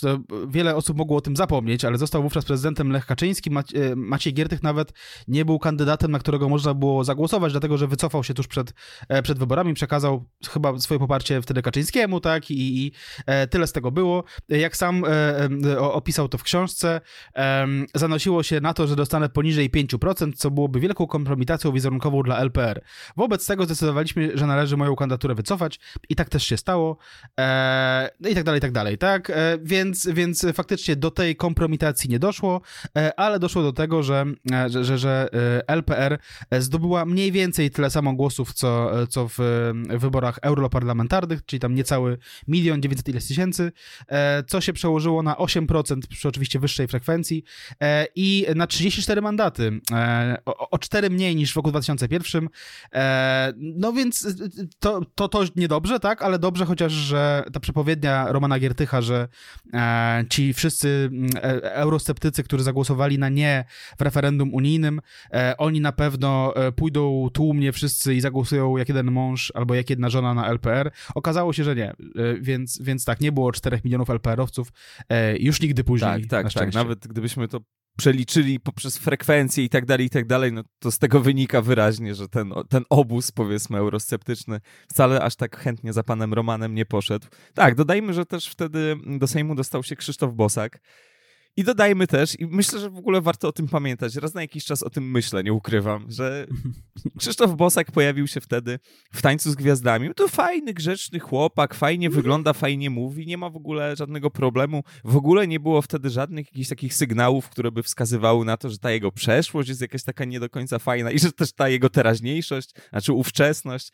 jest taka nie do końca fajna. Także pamiętajmy o tym, to wtedy akurat był program emitowany w TVN-ie, bo to było jeszcze przed tymi przenosinami do Polsatu. Także fajna, fajna decyzja o ocieplanie wizerunku e, tego typu postaciom to jest, to jest dokładnie, dokładnie to. Mm, No właśnie, no, to w takim razie musimy się przyjrzeć temu, jak to jest, że ten Roman Giertych, spoiler, zostanie za chwilę ministrem i to w bardzo istotnym resorcie i to w takim, które dotyka, że tak powiem, swoimi działaniami no, bardzo liczne grono osób, osób młodych przede wszystkim.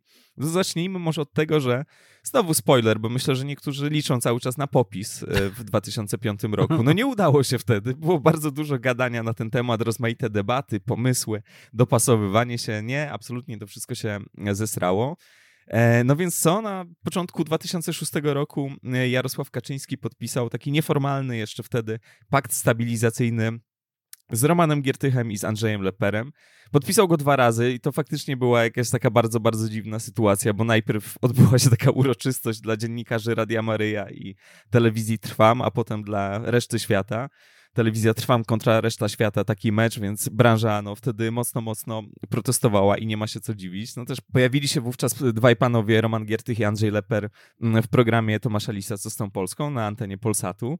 No i kłóci się strasznie pan Roman z panem Tomaszem. No kurde, no jak to, jak to jest możliwe? Przecież to jest jakieś science fiction. Tutaj się absolutnie, absolutnie nie zgadzają, To się czuł, wyzłośliwiają. wiesz, Mateusz, nie? Tak, tak. Jest, jest tam też troszeczkę takiego napięcia. Tak jak między Leszkiem Millerem a rozmaitymi osobami, z którymi wchodzi w jakieś tam utarczki słowne, to tutaj też jest taka sytuacja. No ten pakt się rozsypał, oczywiście oni powrócą już za chwilę w maju 2006 roku jako taka pełnoprawna koalicja rządowa. Mówię tutaj o PiSie, o LPR-ze i o samoobronie, więc mieliśmy wtedy taki wesoły, wesoły bardzo czas. No ale czy to była jakaś taka no, zupełnie bezkolizyjna współpraca? No nie. No, PiS miał bardzo duży apetyt na ten LPR, jako że wielu osobom z LPR-u byłoby po drodze z PiSem, no i oczywiście vice versa, no to tutaj PiS wykonywał pewne ruchy, żeby podprowadzać e, posłanki i posłów z LPR-u, między innymi Bogusław Kowalski i Anna Sobecka zostali tutaj wzięci na celownik Jarosława Kaczyńskiego. No później rzeczywiście skończyli e, w Prawie i Sprawiedliwości. No i Giertych w 2012 odnosił się do tego w Gazecie Wyborczej, do tej całej sytuacji. Mówi, wszyscy pchali nas do rządu. Miałem rozłam wewnętrzny, który doprowadził do wyjścia sześciu posłów i groził dalszym odchodzeniem. Wtedy zrozumiałem, że Liga to trup. Byłem przed dylematem. Albo wejdę w koalicję i będę czekał, albo mnie załatwią. Oczywiście te przewidywania PiSu dotyczące tego, że będą sobie tak wyjmować po prostu jak jabłka ze skrzynki tych posłów i te posłanki z LPR-u, no one się nie sprawdziły, więc tutaj no, ta koalicja była, była konieczna. Y, Giertych y, no, zażądał resortu edukacji. PiS nie był, nie ma się co dziwić, nie był jakoś entuzjastycznie nastawiony do tego pomysłu, no ale gdy zobaczyli, że są zmuszeni do tej koalicji, że muszą tutaj iść na pewne ustępstwa, no to w końcu przytaknęli panu Romanowi i tak oto Roman Giertych został na krótki, ale jakże owocny w ogóle, jakże płodny czas ministrem edukacji. Tak, zrozumiałem, że Liga to trup, mógł powiedzieć Roman Giertych w 2012 roku, ale mógł też powiedzieć w sumie dowolny działacz e, PZPN-u o Ekstraklasie, nie? W dowolnym momencie po roku 89, nie? Wtedy zrozumiałem, że Liga to trup. E, tak, no, y, y, Roman Giertych rzeczywiście został ministrem edukacji, e, y, ale wspomnieć musimy, bo być może już nigdy nie będzie takiej okazji, o innym tutaj gagatku z LPR-u, mianowicie o, mówię gagatku i to bardzo pasuje, tak zaskakująco Aha. pasuje do tego gościa. E, jakoś tak ta, patrzę na tę twarz i, i myślę sobie gagatek rzeczywiście. Mianowicie o Rafale Wiecheckim, który e, był, e, chyba do dziś jest najmłodszym ministrem w historii. E, miał 27 lat, gdy objął tekę ministerialną. E, no i co? No i został szefem Ministerstwa Gospodarki Morskiej. E, I co w tym dziwnego, oprócz tego, że był bardzo młodym, to mianowicie, że przy okazji był w cywilu zagorzałym kibicem Widzewa Łódź. Jest takie zdjęcie Rafała Wiecheckiego, na którym to zdjęciu Wiechecki, no tam wygraża pięścią w kierunku fotografa jestem prawie przekonany, że ono było na okładce polityki w latach 90., żeby tak zobrazować e, kibolstwo, w sensie, że to było na długo przed tym, jak Wiechecki miał jakieś tam e, ambicje, e, ambicje polityczne. No i to, to zdjęcie super fajnie kontrastuje z, z, z, z plakatami Wiecheckiego tam, które, które, które rozlepiano tu i ówdzie, plakatami LPR-u. No po prostu niesamowita sprawa, jak wpisze się po prostu w Google grafika Rafał Wiechecki, no to wychodzi po prostu 100 twarzy grzybiarzy, tak? Tutaj w cywilu, tu na galowo. Bardzo fajna sprawa. E, Rafał Wiechecki był też jakiś czas temu na kanale YouTube'owym Winiego i tam Wini z nim rozmawiał, tak, no bo, no bo, no bo w sumie czemu nie, tak. Jest to, jest to niezwykła postać, tak, no nie, niewiele jest, e, niewielu jest aż takich, co nie, no bo z reguły jak e, jakieś tacy, tacy goście z tego rodzaju środowisk dopychali się do, do polityki później, to to jednak byli goście, których nigdy nie przełapano na przykład na jakimś takim, wiesz, totalnie szalikowaniu, czy tam hajlowaniu i tak dalej, i tak dalej, nie, a tutaj proszę bardzo, jednak. Anyway, E, Giertych e, został ministrem edukacji, jak już wspomniałeś, był tym ministrem przez e, rok i trzy miesiące mniej więcej i przez ten czas wydarzyło się bardzo wiele. To była bardzo intensywna, intensywna praca ministerialna. Zacznijmy od pierwszych godzin w gabinecie, a być może nawet od czasu, w którym to zostało dopiero ogłoszone, że zostanie ministrem i, i, i w związku z tym w całej Polsce wybuchły, wybuchły protesty. Protestowały środowiska studenckie, protestowały środowiska uczniowskie, E, w Poznaniu na przykład krzyczano, Mateusz, wyobraź sobie, że w Poznaniu krzyczeli faszyzm stop. No jak? Jak można? Mhm. W ogóle nic jeszcze nie zdążył zrobić, a ci już krzyczą jakieś takie bzdury, nie? Albo na przykład w Krakowie, w Krakowie, zobacz, u ciebie w Krakowie było, wykopmy mm. faszyzm ze szkół i uczelni. No, Jak to wytłumaczysz? Ale ja mówię ludzie, daj spokój, no. Nie? No. W ogóle, wiesz, e, protestowano też w Rzeszowie, w Gdańsku, w Szczecinie, no wszędzie z, z, tym samym jakby, e, z, z, podobnymi, powiedzmy, hasłami. E, o, o, najgłośniejszym powiemy za chwilę, natomiast e, zabawne jest to, że, że, że, że ktoś zrobił taką wielką głowę Romana Giertycha, którą nałożył na siebie i, i ta, ta, ta, głowa była wystylizowana na monstrum Frankensteina, co jest złośliwym przytykiem moim zdaniem. Do fizis, do fizis Romana ja, Giertycha. Ja tutaj zaprotestuję, bo ta kukła, ta maska właściwie, mhm. ona tutaj nie jest podpisana, więc tak. to, że twoim zdaniem jest wystylizowana, to jest chyba już po prostu złośliwość, nie? Bo masz rację. To może być zwykły kostium, no. Masz rację, masz rację. Y, to po prostu jest Larch z rodziny Adamsów i, i, i tyle, i zostawmy to po prostu, tak? Mhm. E, w tych protestach brali udział między innymi przedstawiciele i przedstawicielki tam różnych e, organizacji lewicowych, tam Zielonych 2004, e, Młodych Demokratów, Socjaldemokracji Polskiej, ale też było tam trochę anarchistów i, i, i ale to, to nie jest tak, jak próbowała przedstawiać wówczas prawica, że o, to tylko jakieś lewaki protestują, to w ogóle się nie ma co przejmować. Nie, nie, nie. Jak, jak powstał list w kwestii e, odwołania Giertycha z urzędu, to ten list podpisało 130 tysięcy ludzi, między innymi Maria Janion i Agnieszka Holland, tak? Jakby o ile wiem, Maria Janion nigdy nie była w żadnej bojówce anarchistycznej i nigdy nie rzucała e, bombami e, z farbą w, e, w, w, okna ministerstwa na przykład, nie? Więc wydaje mi się, że to były dość, dość przesadzone sytuacje. No i szły też oczywiście kontrmanifestacje. Tutaj cytujemy za money.pl. Wszystkie kroki, które Roman Giertych przeprowadził w pierwszych dniach swojego urzędowania nie zostaną zmienione. Będziemy bronić polskiej szkoły, żeby nie zostały z niej wyparte wartości polskie i narodowe. Mówił do zgromadzonych na wiecu w Łodzi wiceminister edukacji Mirosław Orzechowski. Jego słowa uczestnicy wiecu przyjęli oklaskami. W demonstracjach poparcia brali udział m.in. działacze i sympatycy Ligi Polskich Rodzin, Młodzieży Wszechpolskiej, studenci, uczniowie, nauczyciele oraz osoby starsze. Na wiecu w Gdańsku były także osoby z flagami samoobrony. Na transparentach można było zobaczyć hasła Minister Edukacji ma 100% racji, stop przemocy w polskich szkołach, stop lewackiej indoktrynacji, skandowano m.in. zwyciężymy i Roman Giertych musi zostać, więc po prostu działo się, tak? Społeczeństwo było e, rozdarte, e, ale czy porówno Chyba nie. No tutaj też możemy dodać za, za papem, bo były rozmaite ciekawe hasła. We Wrocławiu demonstranci przynieśli ze sobą transparenty, na których można było przeczytać między innymi takie hasła. Roman to jest men, men przez E tutaj, no bo to jest chłop duży, prawda? Czyli jakby Mhm. dwóch takich przynajmniej przeciętnych mężczyzn. Mhm. I Giertych minister? Jest, jest, jest. To jest oczywiście nawiązanie do e, Kazimierza Marcinkiewicza, do tego jego jest, jest, jest. To, to jest najważniejsza rzecz, którą Kazimierz Ma- Marcinkiewicz zrobił jako premier. Oraz pojawiło się hasło Polska szkoła nie chce zioła. To akurat, y, no, też można dyskutować o tym bardzo długo. Rafał Orszak z Ligi Polskich Rodzin, czytam dalej za papem, skrytykował protesty i manifestacje przeciwko Giertychowi. Przeciwników wicepremiera nazwał mięsem armatnim środowisk lewicowych. Wow. Te wszystkie protesty nie są spontaniczne, to są manifestacje sterowane przez środowiska anarchistyczne, lewackie i te, o których mówił Wojciech Wierzejski. Ci studenci, którzy być może pojawiają się na demonstracjach, to mięso armatnie tych organizacji, mówił do zgromadzonych Orszak. To też jest charakterystyczna taktyka prawicy, to znaczy budowanie jakiegoś takiego, wiesz, fantomowego wroga, który jest rzekomo potężny. No, wkurwione dzieciaki po prostu przychodziły na te manifestacje, studenci. Oczywiście były też jakieś stowarzyszenia, były jakieś środowiska zorganizowane, ale jakieś takie sugerowanie, że jest jakieś lobby anarchistyczne w latach zerowych w Polsce, które jest absolutnie potężne i ono pociąga za sznurki, no to jest dosyć, dosyć śmieszna sprawa. Nie chodzi o to, że nie było tam takich grup, ale no jednak to było w dużej mierze nie, oddolne. No i tak, no media dosyć mocno mm, wracały do jednego hasła, które tam się pojawiało, mianowicie Giertych do wora, wór do jeziora. No no niezależnie od tego, co tam chłopcy z młodzieży i tak dalej wnosili na sztandary, to nie jest to zbyt fortunne. No jednak jest to hasło, które nawołuje no, do, do linczu, do, do utopienia ministra.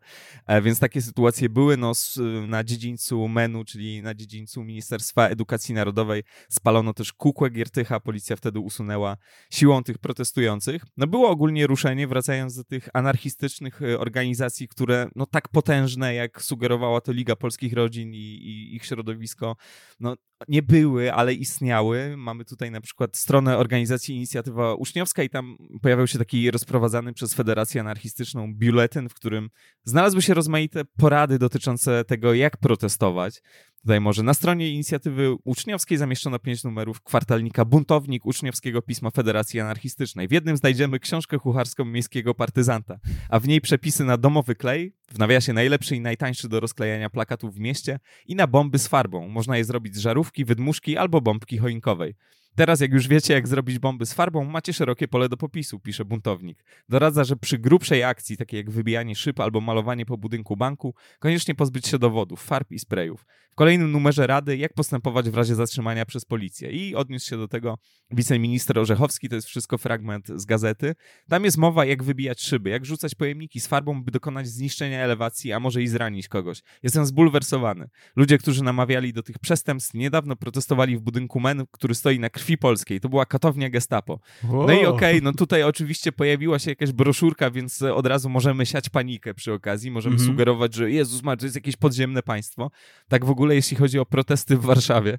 No to kurde, no gdzie byś nie stanął, to jesteś na cmentarzu, nie? Więc tak, gdzie, gdzie protestować w gruncie rzeczy? No ale wiadomo, że tego typu tutaj argument no gdzieś tam działał na wyobraźnię, że Jezu, no patrzcie co oni robią po prostu. Oni robią kurwę z polskiej martyrologii, no a temu środowisku się to nie mogło podobać. Całe szczęście, Mateusz, że w tej byłej katowni gestapo zarządów e, Prawa i Sprawiedliwości pierwszych no, no, nie było faszystów w tym, w tym machu, nie? No, no tak. Więc tak, chociaż tak. tyle, że nie, nie doszło do takiego rechotu historii, nie? Dokładnie, bo to już by była sprzeczność To dopiero. by było no. przesada w ogóle jakaś, nie? Na szczęście, na szczęście e, wiceminister Orzechowski e, stał na straży. E, Natomiast tak, no, e, Leszek Sztiwa z Gościa Niedzielnego, tutaj będziemy wracali do Gościa Niedzielnego, no ale to jest istotne czasopismo. I świetne. I to szczerze mówiąc, nie, tak, ta, ta, i świetne, ale nie ironizuje, nie? Znaczy, to rzeczywiście jest czasopismo z zaskakująco wysokim nakładem i e, takie dość często ignorowane, powiedzmy, przez media głównego nurtu.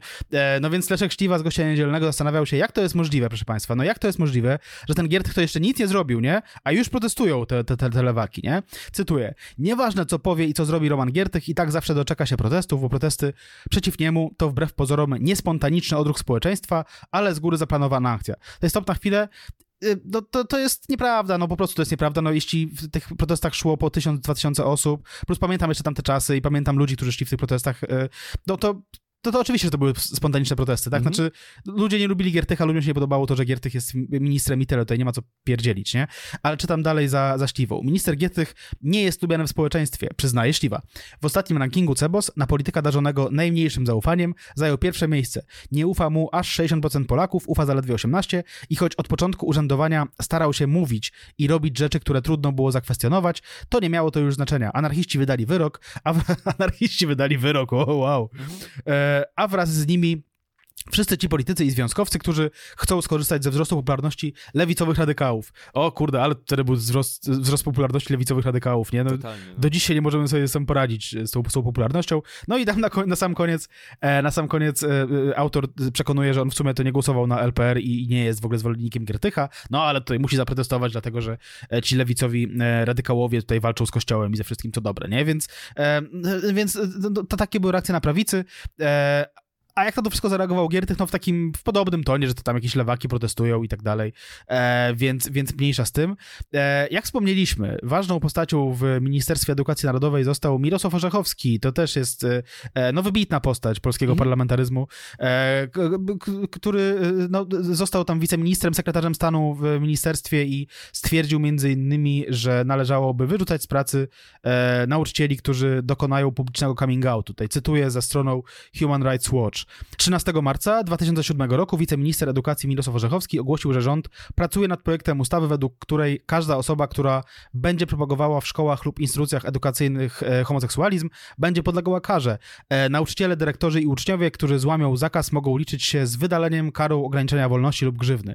E, instruktorzy w zakresie profilaktyki HIV-AIDS, którzy poruszają tematykę bezpiecznego seksu dla osób ze środowisk LGBT, a także same organizacje LGBT, nie będą mogły odwiedzać szkół. 15 marca Orzechowski ogłosił również, że nauczyciele, którzy ujawnią, że są homoseksualistami, będą zwalniani z pracy.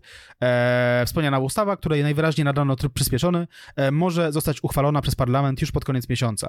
E, no nie doszło do tego, na szczęście, do tego, do tego przegłosowywania, e, natomiast no, to, to też pokazuje, jaki był generalnie klimacik w, w ministerstwie, jaki był w ogóle klimacik wtedy w, e, w polskim szkolnictwie. E, Orzechowski też tutaj warto wspomnieć prywatnie był kreacjonistą, podobnie jak tej, no Nestor nie tylko rodu Giertychów, ale w zasadzie Nestor całej polskiej prawicy spod tego znaku. I i e, jak go kiedyś wypytywała e, dziennikarka Aleksandra Pezda e, o, o, o te jego wypowiedzi dotyczące, dotyczące tolerancji, to on powiedział, że świat sobie już radził bez tolerancji i poradzi sobie dalej. No. No wybit, wspaniały umysł. Jest to i, i też dobry człowiek przede wszystkim, bo takich ludzi trzeba do polityki. Nie, wiesz co, konkretny. Mi się to podoba. To, to nie jest lelum po lelum, tylko to jest konkretny tutaj światopogląd, konkretny kierunek. No tak, no ta ekipa była w ogóle bardzo, bardzo wesoła. Kto został rzeczniczką praw dziecka? Pani Ewa Sowińska. No czym się zajmowała pani Ewa Sowińska? No pani Ewa Sowińska po prostu kontrolowała kreskówki z BBC. Tutaj oczywiście e, konkretny przykład, to za wywiadem z wprost. Poproszę moich psychologów z biura, by obejrzeli bajkę Teletubbies i ocenili, czy może być ona pokazywana w telewizji publicznej. Mnie się zdarzyło kiedyś obejrzeć jeden z odcinków i muszę przyznać, że te postaci wydały mi się bardzo sympatyczne. Jest jednak jeden problem. Zauważyłam, że Tinky Winky ma damską torebkę, ale nie skojarzyłam, że jest chłopcem. W pierwszej chwili pomyślałam, że ta torebka musi mu przeszkadzać. Taki balast niepotrzebny. Później się dowiedziałam, że w tym może być jakiś ukryty homoseksualny podtekst. No pamiętamy, pamię- pamiętamy inbę o e, Tinkiego Winkiego, no było to smutne, no, to, to były te już smutne momenty, nie? że tak, mm, nawet jeżeli byłeś po prostu jakimś dzieciakiem, że aż tak się nie przejmujesz, tak sobie myślisz o tym, mm, coś, coś tu kurde, coś tu jest nie, nie tak, więc osoby starsze, takie jak my pewnie pamiętają rozmaite głosy, przeróbki, skecze, nie wiem, jakieś tam Szymony Majewskie, Kuby Wojewódzkie i tak dalej i to wszystko się tam pojawiało. Tak, ale przy okazji trzeba powiedzieć, że to był początek takiego my- myślenia o popkulturze w ten właśnie sposób, że tam, nie wiem, jest taki katolicki youtuber e, Dawid Mysior bodajże się nazywa, który tam e, e, nagrywa takie filmy, które są bardzo popularne, gdzie tam jak zeskrobiemy troszkę z tej popkultury, tego, tego prawda, tej, tej foliki tam, tego, tego pazłotka, no to się okaże, że kurde, pod tym wszystkim czai się jakiś totalny diabeł i, i, i nic nie jest przypadkowe i to wszystko jest po to, żeby inżynieria społeczna e, napierdalała w nasze dzieci, w głowy naszych dzieci, nie? Więc Znaczy to jest E, no. przebijanie się tych już takich y, funkcjonujących, nie wiem, w szkołach czy w kościołach, tych broszur związanych z zagrożeniami w rodzaju tam New Age, Tak, tak, tak, satanizmy, niesatanizmy i ukryte przekazy. To jest rozwinięcie, jakby przebicie się tego typu idei do głównego nurtu jednak, bo jeżeli rzeczniczka praw dziecka jest w Mhm. stanie o tym poważnie mówić, no to to znaczy, że coś tutaj jest nie tak, więc wiadomo, no, można śmieszkować, bo to było kurwa bardzo głupie, ale z drugiej strony troszeczkę tam szkody w głowach e, tego i owego wywołało. No dobrze, ale to jest już taka no powiedzmy, że skonsolidowana ekipa, czyli można po prostu iść zdobywać te góry, no ale kto jest tutaj najważniejszy, kto jest tym najwyższym szczytem? Oczywiście Roman Giertych, minister edukacji, no i jaki pomysł na to wszystko miał Roman Giertych? No Giertych wprowadził taki program zero tolerancji dla przemocy w szkołach, o którym często się mówiło po prostu zero tolerancji, bo to bardzo dobrze pasowało do tego środowiska, już nie było tego rozwinięcia. To miała być reakcja na to, co się dzieje w polskiej szkole. Pojawiły się jakieś takie bardzo przykre incydenty, Pamiętamy kosz na głowie nauczyciela, pamiętamy Anię Halman, 14-latkę, która e, popełniła samobójstwo, która była gnębiona i molestowana i pojawiło się tutaj parę jakichś takich para konkretnych rozwiązań, bo tak naprawdę nie wiadomo było, na czym to wszystko ma polegać. Tak? Mówiono o tym, że no, te osoby, które się solidaryzują z gnębionymi, że one mają być jakoś dodatkowo nagradzane, już pomijając jakiś taki shady pomysł, żeby moralność miała być, wiesz, jakoś tam motywowana nagrodą, no to nie wiadomo było, na czym to polega i jakby skąd wniosek tak naprawdę, że wcześniej co, wszyscy byli absolutnie obojętni, jeżeli ktoś był krzywdzony, no jakby... Nie, karali cię za Kary też rzeczy. miały być nowe. Tutaj cytat za wprostem. Od najłagodniejszej upomnienie nagane list do rodziców, publiczną nagane na apelu, skreślenie z listy uczniów i przeniesienie do innej szkoły. Myślę, że Roman Giertych miał przez chwilę pomysł, żeby dodać tutaj chłostę, no bo pamiętamy jego, tak, jego pomysły z lotu orła między innymi, ale to, to akurat nie przeszło. Może ktoś powiedział, okej, okay, zatrzymujemy się na przeniesieniu do innej szkoły. To za rok. Tak, dopiero. była też mowa o stroju, który miał być godny. O stroju oczywiście powiemy jeszcze parę, parę słów. Ograniczenie korzystania z telefonów komórkowych, no ale właśnie bardzo dużo jakichś takich okrągłych rzeczy. No weźmy na przykład taki cytat tutaj. Minister chce doprowadzić do sytuacji, w której dyrektor szkoły będzie mógł zobowiązać ucznia do przeproszenia pokrzywdzonego, naprawienia szkody i zadośćuczynienia za krzywdy poprzez pracę społeczną na rzecz szkoły lub środowiska lokalnego. Znaczy to, tak naprawdę nie wiem, no ja pamiętam tylko, że ta atmosfera się zmieniła, to znaczy, że pojawił się jakiś taki, może nie zamordyzm, no bo realizowali to realni nauczyciele, którzy niekoniecznie się z tym zgadzali, ale że zaczęła jakaś tutaj taka czapa wisieć w tym wszystkim, nie? No bo jakby wcześniej mieliśmy jednak wrażenie, że uczniowie są karani za grube gówno, a tutaj jakby Giertych dodał jakąś taką narrację, że to jest po prostu nowe otwarcie, że tu koniec, nie? No mhm. i właśnie jedyne, co pamiętam, jeśli chodzi o zmianę, to jakąś taką atmosferę, no to było po prostu bardzo, bardzo nieprzyjemne, bo ten Giertych się jawił jako jakiś taki kurde kat, nie? Jako jakiś taki egzekutor, a co zrobią z tym nauczyciele, to, to oczywiście inna sprawa. Była też mowa o tym, że nauczyciele będą sprawdzać trzeźwość uczniów. Wiadomo, no wcześniej to wszyscy nadupceni chodziliśmy na, na przyrodę, więc... I co nam mogli zrobić? Tak, i, co, i, co, i co, jeszcze pijani się kłóciliśmy na i co, i co?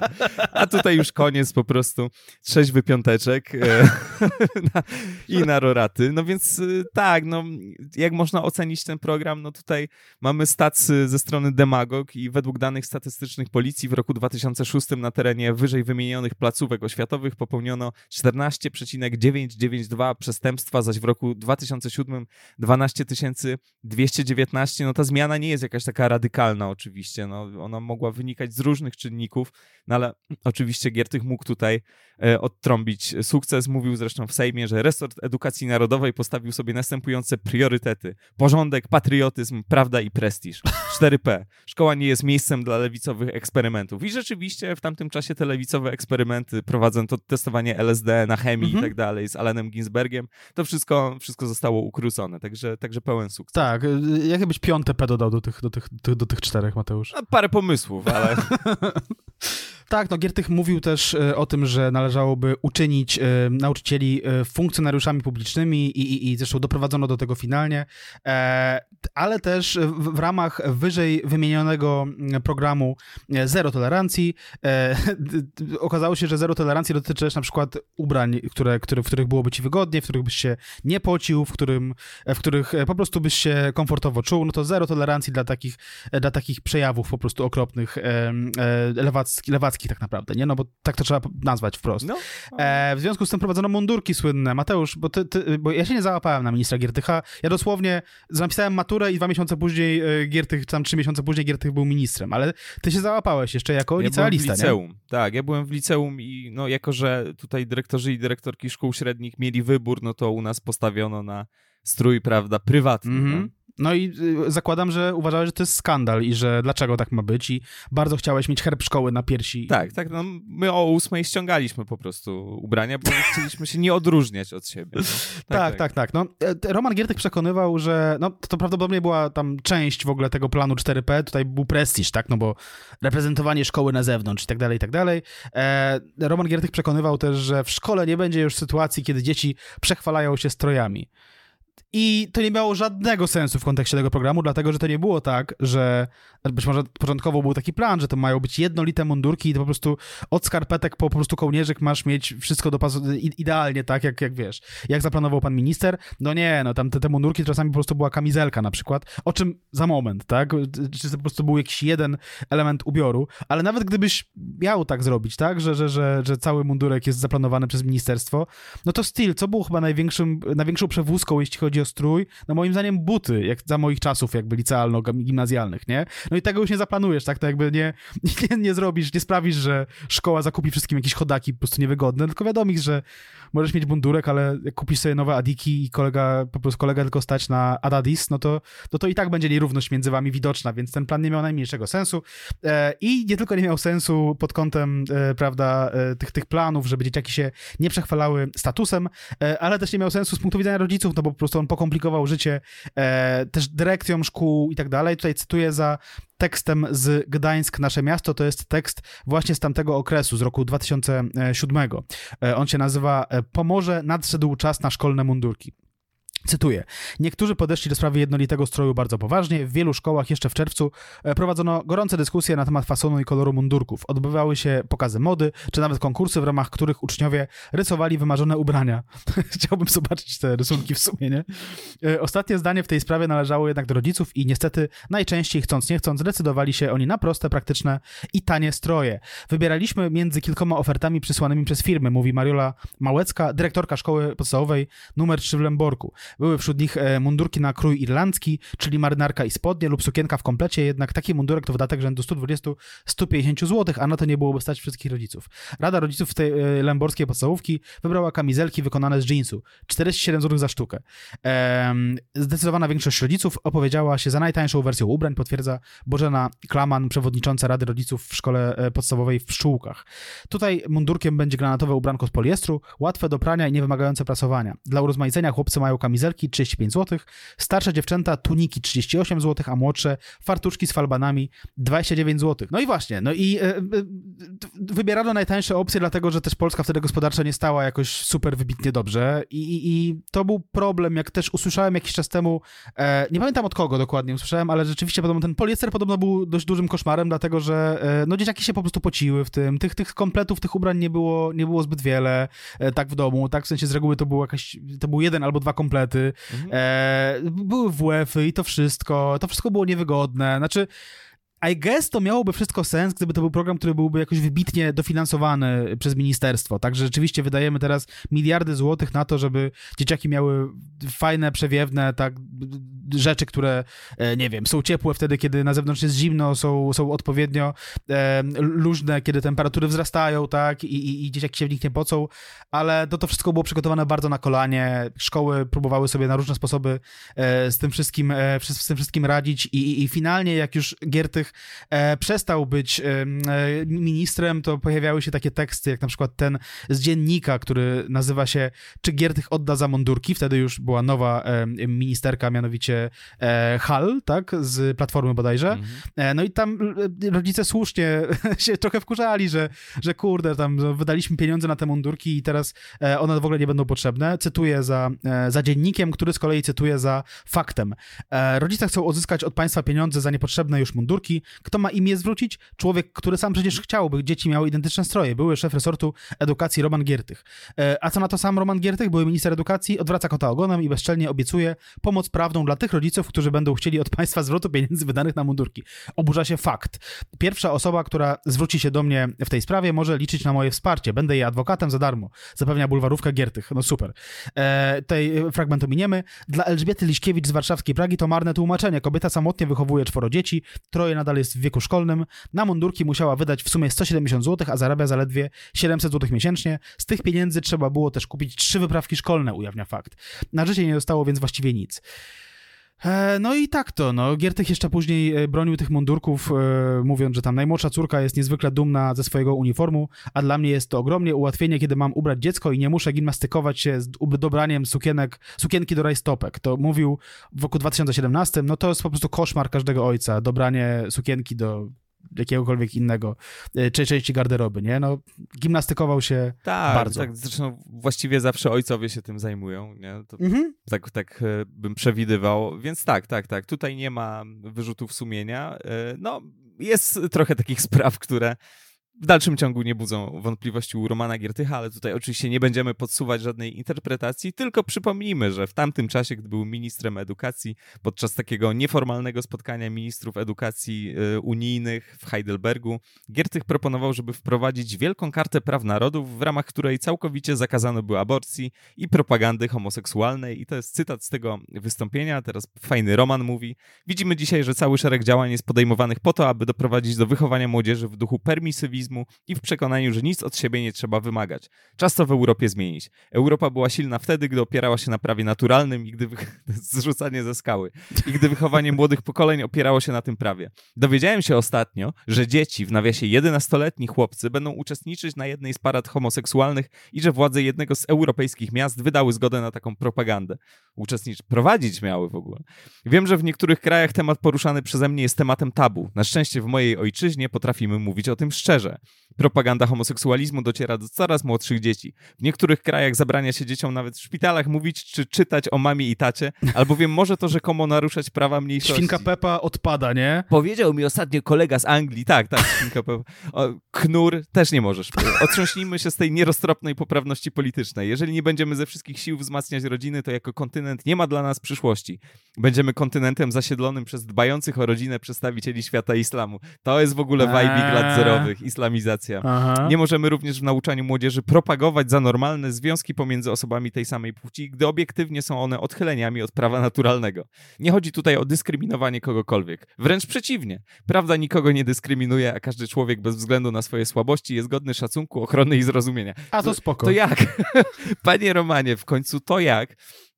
No było wtedy sporo zamieszania w związku z tym wszystkim, bo Giertych twierdził, że tutaj reprezentuje stanowisko polskiego rządu. Polski rząd stwierdził, że Roman Giertych nie reprezentuje jego stanowiska. Roman, to było nieoficjalne Tak, stanowisko. tak, wie- ja ci tak tylko w kuluarach mówiłem. Nie był to najfajniejszy oczywiście rząd, delikatnie mówiąc, ale no nie chcieli się podpisywać. Stwierdzili, że tutaj absolutnie, absolutnie tłumacz. No ale dobra, tak jak wspominaliśmy, no my już byliśmy tacy starawi wtedy, gdy Roman Giertych był ministrem edukacji narodowej, ale, ale mamy znajomych rozmaitych. Młodych, prawda, ale jakże doświadczonych, i jeden z nich zgodził się wypowiedzieć na temat tego ministrowania i tego, jak wspomina e, tamten czas jako uczeń, uczeń jeszcze szkoły podstawowej. To jest Jacek Paśnik z Dziecineo, e, pisarz, również podcaster, podcast Dziś, stworzony razem z Olgą Drendą, także proponuję, żebyśmy sobie posłuchali teraz tych wspomnień Jacka i za chwilę wrócimy. Jestem z rocznika 97 i w ogóle wydaje mi się, że moja edukacja wczesnoszkolna przypadająca na e, gdzieś połowę lat zerowych wiązała się z jakimś takim zwrotem konserwatywnym. Na pewno za sprawą dwóch szczególnych wydarzeń. No jednym z nich to była wiosna roku 2005, kiedy chodziłem do pierwszej klasy podstawówki i e, zmarł znany tutaj na pewno osobom słuchającym podcastek z krakowski aktor e, Karol Wojtyła, występujący dużą część swojego życia pod pseudonimem. No i śmierć Jana Pawła II to był taki moment, w którym rzeczywiście Zaczęło się takie forsowanie e, różnych okołoreligijnych wątków e, u mnie w szkole, czy konkursów związanych z osobą Jana Pawła II, czy wycieczki szkolne na film e, pod tytułem Jan Paweł II. No a drugim takim ciosem po śmierci Jana Pawła II dla młodzieży wczesnoszkolnej to było na pewno objęcie teki ministra edukacji w rządzie Jarosława Kaczyńskiego przez Romana Giertycha, e, który przede wszystkim kojarzy się oczywiście z e, mundurkami, no i mm, tę mundurki mnie też dotknęły gdzieś tam osobiście. To znaczy, ja pamiętam, e, byłem w klasie, zdaje się, czwartej, kiedy te mundurki nam wprowadzono, w związku z czym musiał to być rok, e, zdaje się, 2007, więc już jakiś czas po tym, kiedy ogłoszono program ujednolicania tego e, ubioru e, szkolnego. No i te mundurki to była też ciekawa sprawa, bo tak naprawdę mój mundurek szkolny sam w sobie mundurkiem nie był. To była jedynie jakaś taka kamizelka, którą tam kazano nam zakładać na ubiór codzienny, czyli tak naprawdę dodatkowe jakieś tam odzienie wierzchnie. E, I pamiętam, że rzeczywiście dosyć długo te mundurki wprowadzano. Dopiero zdaje się, że właśnie jak poszliśmy do tej czwartej klasy, to musieliśmy te mundurki mundurki nosić. E, pamiętam wyprawę z rodzicami do e, miasta Żgów. Jako uczeń jednej z łódzkich podstawówek musiałem tam pojechać, dlatego że szkoła, tutaj wątek prywaciarski, no miała podpisaną umowę e, prawdopodobnie z firmą tekstylną. Żgów jest takim ośrodkiem związanym z szczególnie potransformacyjnym, jakimś takim przemysłem tekstylnym. No i tam w tym Żgowie kupiliśmy ten mundurek. Nie była to jakaś e, nie wiadomo jak droga rzecz i w ogóle wydaje mi się, że mm, szkoła do tego e, mundurka dopłacała, no ale oczywiście był w ramach tego mundurka trochę niedoróbek, bo pamiętam, że mm, mama musiała mi dożyć na przykład do niego tarczę szkoły, no bo nie było jej e, chociażby w pakiecie. No i co ciekawe, mundurek miał jakiś w ogóle bardzo krótki sam pomysł, bardzo krótki ląd, dlatego że już w 2008 roku, czyli rok później, kiedy nastąpiła wymiana rządu i też prawdopodobnie prawdopodobnie jakaś nowelizacja ustawy o świecie. E, już tym, tych mundurków nam e, nie kazano nosić dalej, więc mundurek gdzieś tam wylądował w Pawlaczu ostatecznie i już nigdy nie został stamtąd wyciągnięty. Ale rzeczywiście na którymś ze zdjęć, e, jednym tylko zdjęć z podstawówki mam ten mundurek. E, no i to jest jakaś taka rzecz, która na pewno zostanie zapamiętana w związku z Romanem Giertychem jako e, ministrem edukacji. To jest pierwsza, a druga, którą ja pamiętam dość dobrze, to gra Roman Edukator. To była gra Java, w którą my graliśmy na telefonach. Ona się pojawiła właśnie, zdaje się, w roku 2007. No i to był, było ciekawe, był to ciekawy pomysł zrobienia platformówki właśnie z osobą ówczesnego ministra ministra edukacji w roli takiego terminatora, który w ogóle strzelał mundurkami szkolnymi do uczniów, jeśli dobrze pamiętam. No bardzo, bardzo ciekawa rzecz. Na pewno gdzieś tę grę można w internecie sobie zobaczyć, jak to wyglądało. Tak, to był Jacek Paśnik, bardzo dziękujemy. Jak wspomniał Jacek, rzeczywiście e, Roman Giertych nieoczekiwanie po prostu pchał do szkół papieża, e, chciał w ogóle lekcje o kalendarzyku, e, nie wiem, tam, no możemy tutaj wymieniać różne rzeczy. Nie chcielibyśmy tutaj, e, prawda, e, rozmawiać o tym przez godzinę najbliższą, Z takich głośnych spraw jeszcze była amnestia maturalna e, dla tych, którzy, którzy nie zdali jednego przedmiotu, tak? I, i e, no ale dobra, mniejsza o to, dlatego że Roman Giertych, no właśnie, jak powiedzieliśmy, był tym ministrem dość krótko, intensywnie, ale jednak krótko. I w czasie, w którym był tym ministrem, e, no ta koalicja pomiędzy PiSem, LPR-em i samoobroną z bardzo, bardzo wielu różnych powodów zaczęła się sypać, tak, jakby o samoobronie kiedyś dotrzemy do tego tematu, tak, nie mogę się doczekać, jak, jak zrobimy odcinek o Andrzeju Lepperze i, i ludzie będą w komentarzach pisali, że o, przecież Andrzej Lepper to ostatni prawdziwy bibi, nie? No. E, tam się wiele okazało, w każdym razie, jeśli chodzi o środowisko samoobrony i samego Andrzeja Leppera, natomiast e, Robert Krasowski w książce Czas Kaczyński Kaczyńskiego e, twierdził, że, że, że, że no, Kaczyński miał wielką chrapkę na to, żeby, żeby, żeby Ligę Polskich Rodzin sobie tam schrupać i, i, i e, budować tę koalicję taką polityczno-kościelną z ojcem Rydzykiem. E, Giertych oczywiście zdawał sobie z tego z faktu sprawę, no i postanowił wykonać pewne takie ruchy, które, które miały uprzedzić e, powiedzmy ten atak na, na, na, na jego szczerą i, i, i romantyczną niemalże relację z ojcem dyrektorem. E, no i stwierdził, że no, co tu zrobić? Co, co, co można by było zrobić? Wiadomo, można byłoby na przykład poruszyć temat aborcji, tak? No i teraz wiele osób zapomniało o tym, ale to tak, to Roman Giertych otworzył jakby w Polsce w latach zerowych temat, że może by tam e, e, wpisać do konstytucji e, ochronę życia od momentu poczęcia, tak? Wiadomo, że działały różne postaci typu tam Marek Jurek tam e, na boku, nie? No ale Roman Giertych to był minister, który rzeczywiście zaczął o tym e, bardzo głośno mówić i, i, i dość nieoczekiwanie zaskoczenie, pamiętam, wtedy to było duże zaskoczenie dla, dla, dla mediów, tak, i dla komentatorów. Przeciwko temu pomysłowi zaprotestował e, prezydent Lech Kaczyński, który, który wolał nie dotykać tego tak zwanego kompromisu aborcyjnego. E, Maria Kaczyńska podpisała się pod apelem środowisk feministycznych e, przeciwko pomysłowi Giertycha. No, to było dość nieoczekiwane, przy czym trzeba powiedzieć, że wiele osób dzisiaj lubi myśleć o Lechu Kaczyńskim jako takim w zasadzie sobowtórze również ideowym Jarosława Kaczyńskiego, no to byli jednak inni politycy, trochę inni ludzie i Lech Kaczyński był rzeczywiście e, raczej takim katolickim, katolickim liberałem, tak? I, i, I, wiadomo, że e, w tej samej partii zakładali tę samą partię i tak dalej, ale to jednak nie, był, to nie było odbicie lustrzane Jarosława Kaczyńskiego. E, w efekcie tego, tych, tych, te, tego, że Maria Kaczyńska podpisała list e, przeciwko temu pomysłowi, e, Rydzyk rzucił tam gdzieś, że, żeby nie mylić czamba z perfumerią w kontekście Marii Kaczyńskiej. Lech Kaczyński słusznie się na to wkurzył i stwierdził, że obrażono mu żonę.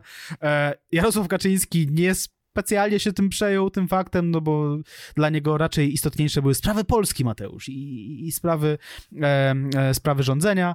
E, I w tym kontekście Giertych mógł grać e, jedynego takiego OG katolika w Sejmie, tak? Gościa, który, który, który będzie dbał o to, żeby, żeby Kler miał jednak jakiś posłuch wśród e, w łabach parlamentarnych, tak? I tutaj cytuję za Krasowskim. E, prezydent zaproponował zapis o ochronie życia nie dający pretekstu do wprowadzenia całkowitego zakazu aborcji. Giertych od razu zaatakował. Zarzucił PiSowi zdradę chrześcijańskich wartości, nazwał ich masonami, metodycznie wbijał klin między ryzyka a PiS. Atakował tak mocno, że zdołał przenieść spór do środka PiSu. 60 posłów i senatorów PiS napisało list do prezydenta z prośbą, aby wycofał swoją liberalną propozycję. W dniu e, sejmowej debaty na fotelach posłów PiS znalazły się kopie listu przewodniczącego Episkopatu do Spraw Rodziny, apelujący do posłów, aby bronili życia. Położyli je tam posłowie Giertycha. Rzecznik dyscypliny PiS chodził po sali sejmowej i darł listę od biskupa. Ledwo się ich pozbył, a posłowie LPR podrzucili e, kolejne prezenty. E, encyklikę Jana Pawła II w obronie życia oraz białe wstążki noszone w rocznicę śmierci papieża. Stop na chwilę, to ciekawe, że tam to podarli, nie? W sensie list od, e, od przewodniczącego episkopatu, no ale jednak encykliki, encykliki papieskiej, no nie sposób podrzeć, tak nie wypada jednak, nie? I trudno to zrobić. I trudno to zrobić, tak, to, to jednak były dość srogie tomiszcza. E, czytam dalej. Część polityków PiS wstążki przypięła, zanosiło się na bunt. Więc tuż przed głosowaniem przybył do Sejmu wściekły premier. Obiegł go tłum reporterów, tratując znaną dziennikarkę.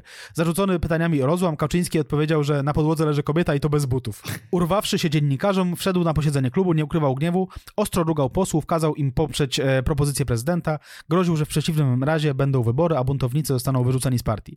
No więc taka sytuacja niewesoła, tak? Kaczyński znalazł się pomiędzy e, swoim bratem, prezydentem, i, i prezydentową, e, a, a Rydzykiem i, i, Giertychem i wieloma posłami i senatorami e, ze swojej partii. E, no wtedy PiSowi rzeczywiście groził rozłam, jak wielokrotnie zresztą w historii. E, e, we wszystko w ogóle też, też oczywiście zaangażował Marek Jurek, który, który, który w ogóle rozdarł szaty wtedy i stwierdził, że skoro tak, to on chce być, przestać być marszałkiem, tak, i, i, i w ogóle odszedł z Prawa i Sprawiedliwości. E, no ale ten kryzys okazał się przelotny. Koalicja z LPR-em i, i samobroną oczywiście przestawała mieć sens w kontekście tego i wielu innych wydarzeń. E, no i oczywiście też stało się, że, że, że niedługo panowie Rydzyk i Kaczyński będą musieli jakoś tam skonsumować e, e, ten swój związek. E, koalicja się rozleciała w połowie 2007 roku. Giertych wtedy przeszedł na stronę antypisowską bardzo mocno, już po raz pierwszy, tak? I ta jego droga krzyżowa wtedy zaczęła, tak? Giertych po raz pierwszy protestował przeciwko PiSowi. Znaczy, nie, nie po raz pierwszy, dobrze, no. Miał wielokrotnie wcześniej wypowiedzi antypisowskie, w wyniku których pakt stabilizacyjny tam się chwiał, no ale jednak, nie?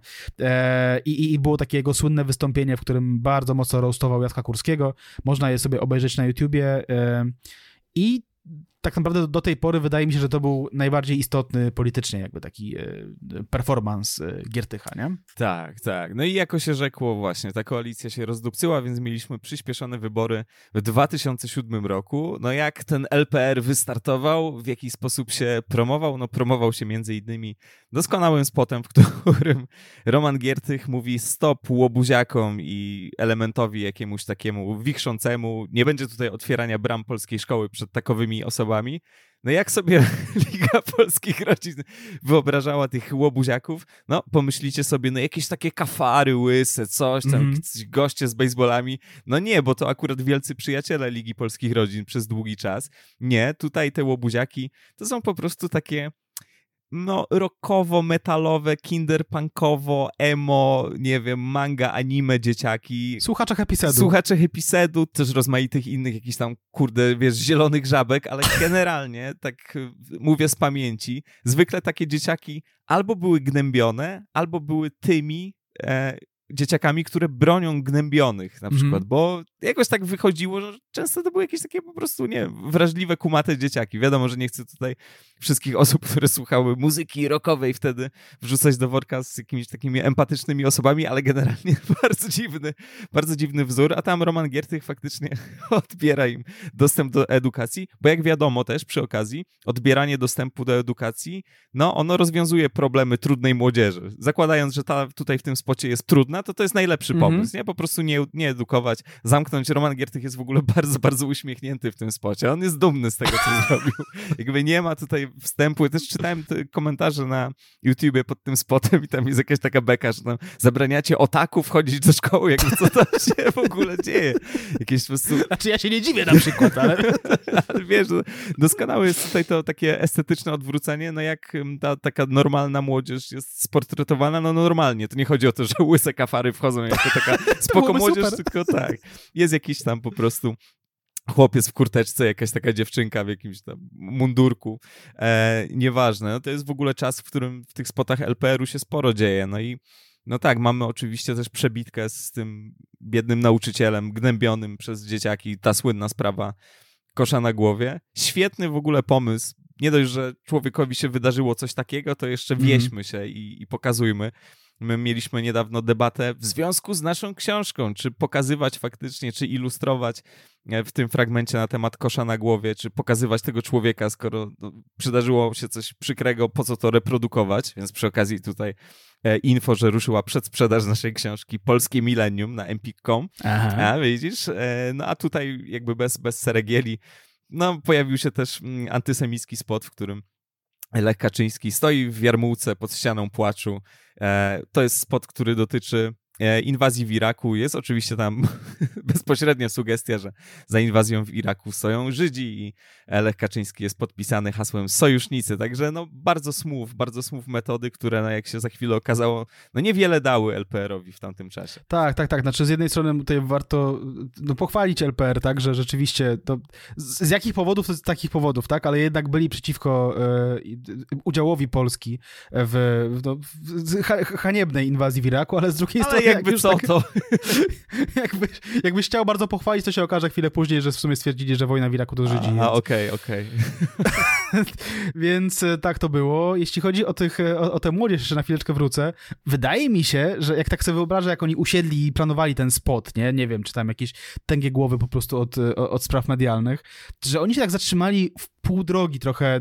Mirosław Orzechowski i ta, ta grupa wiekowa tak próbowała rozkminić, no kto jest zagrożeniem? No sataniści, tak? Więc mamy w tym spocie gościa z kostką, tak plecak typu kostka i w takiej e, kurtce z ćwiekami, tak? I, i dziewczynę, która ma taką, taką bluzę emo z jakąś taką czachą, nie? E, ale to właśnie to nie jest to, nie? Znaczy, jeśli byście chcieli pokazać satanistów, no pokażcie jakichś takich gości, wiesz, nie? Jakichś takich mrocznych, takich bucowatych typów, wiesz, w glanach. To, to wciąż nie byłoby trafione, bo tak nie wyglądała rzeczywistość polskiego liceum wówczas, co nie? Ale, ale, ale to może w, te, w tym kierunku bardziej, tak, nie? A... Może jakakolwiek koszulka burzum, no jakby, no pomyślcie, nie? No, no, no. Dajcie to nam po prostu, my to zrobimy dobrze, nie? Znaczy... I tanio, na dodatek tanio. Więc. Tak, no czym się te wszystkie starania zakończyły? Głównym z chujem na szczęście. LPR nie weszła do Sejmu w tych przyspieszonych wyborach, po tych przyspieszonych wyborach w roku 2007.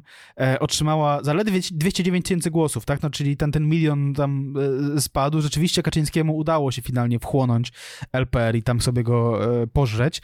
E, LPR istnieje do dziś, co jest zaskakujące. Mm -hmm. Można sobie na przykład wpisać w, na YouTubie Maciej Giertych na przykład. Jakby ktoś był ciekaw, co dzisiaj porabia Maciej Giertych, no to, no to wciąż y, parę lat temu przynajmniej jeszcze był w LPR-ze i tam występuje z jakimiś, y, prawda, e, przemowami. Natomiast czy, czy LPR pełni dzisiaj jakąś rolę w polityce? No nie pełni żadnej, na całe szczęście. Roman Giertych też już jest poza, jak się domyślamy, więc, więc tak to było. Gość niedzielny jeszcze we wspomnianym tekście opłakuje trochę tam brak w Sejmie Krzysztofa Bosaka i robi to w bardzo uroczy sposób. Mianowicie e, piszą tak. Najmłodszy poseł poprzedniego Sejmu, ludzka twarz LPR-u, nawet ci, którzy nie interesują się polityką, mieli okazję poznać go jako sympatycznego młodzieńca z tańca z gwiazdami. Jako dawny prezes Młodzieży Wszechpolskiej był celem ataku wielu mediów liberalnych, od Kuby Wojewódzkiego po Najsztuba i Żakowskiego. Ci ostatni próbowali go skonfrontować w swoim programie z Dorotą Masłowską. Okazało się jednak, że to Bosak mówił mądrze, a Masłowska plotła trzy po trzy. Takich wyrazistych młodych ludzi jak Krzysiek będzie w nowym Sejmie trochę brakować. Spokojnie, gościu niedzielny, spokojnie, jeszcze, jeszcze nadejdzie, na, nadejdzie czas powrotu e, Krzysztofa Bosaka. Mm, Krzysztof I Bosak... wróci ze swoją sympatią, tak? Utrzymując tak. tutaj klimat niedzielny, tak. Tak jest, tak. E, więc, e, więc tak, no. E, Krzysztof Bosak też warto wspomnieć, był dość wysoko postawiony w Radzie Programowej e, TVP wówczas. Przez moment był nawet jej wiceprzewodniczącym, tak? No więc e, tak, no możemy tutaj dziękować za Antoniego Macierewicza, Romanowi Giertychowi i jego środowisku, za Krzysztofa Bosaka, prawda, za wiele e, tego rodzaju postaci, od których e, przez wiele lat później nie mogliśmy się e, uwolnić. Tak jest, tak jest. A co się działo z panem Romanem dalej? No, wrócił do zawodu, bo to członek palestry, to sprawny, prestiżowy prawnik. No i tak, no faktycznie tak wyszło. No wiadomo, że tutaj bronił e, rozmaitych prominentnych ludzi i że do najtańszych e, nie należy i nie należał. E, no zarzekał się w 2012, że nigdy nie wstąpi do Platformy. Jak się stało, to, to oczywiście wiemy. Wiadomo, stał się w międzyczasie śmiertelnym wrogiem PiSu, ale tak pod względem jakimś takim światopoglądowym, no wiadomo, wielki Europejczyk, ale to nie jest tak, że e, Roman Giertych nagle stał się jakiś bardzo, bardzo progresywny, że przestał podrzucać jakieś homofobiczne sugestie, czy że stał się zwolennikiem dostępu do aborcji, czy do in vitro. No, no, no nie, no po prostu nie. A przy okazji jakieś takie dosyć e, shady sprawy. Podobno miał tutaj poprzez podstawioną spółkę e, próbować wydobyć pieniądze od Kulczyka, od Solorza, od Leszka Czarneckiego za, tutaj podkreślę, za niewydanie książki z ich biografiami, które zawierały dużo jakichś takich niekorzystnych fragmentów. A czy tak było rzeczywiście, e, to oczywiście się nie dowiemy. E, no siedzi sobie w Italii słonecznej, shit postuje na Twitterze, jest tutaj pod tym względem absolutnie kompanem Tomasza Lisa i nie tylko pod tym względem, bo jak już wiemy, jest Kielczaninem Roku i z listy Koalicji Obywatelskiej z ostatniego miejsca udało mu się dostać do tego przyszłego Sejmu, który dopiero się no, krystalizuje oczywiście i zobaczymy, jak to wszystko będzie wyglądało. Także no tak, no, nagraliśmy jakieś 6 godzin na temat dotychczasowych różnych działań i występków, ale najwyraźniej ten demokratyczny sznyt E, który prezentuje Giertych, wystarczył po prostu i pomaga nam ratować ojczyznę. Tak, tak. No my się z oczywistych względów nie będziemy jakoś mocno skupiali na jego działalności post 2007, tak? No, mm.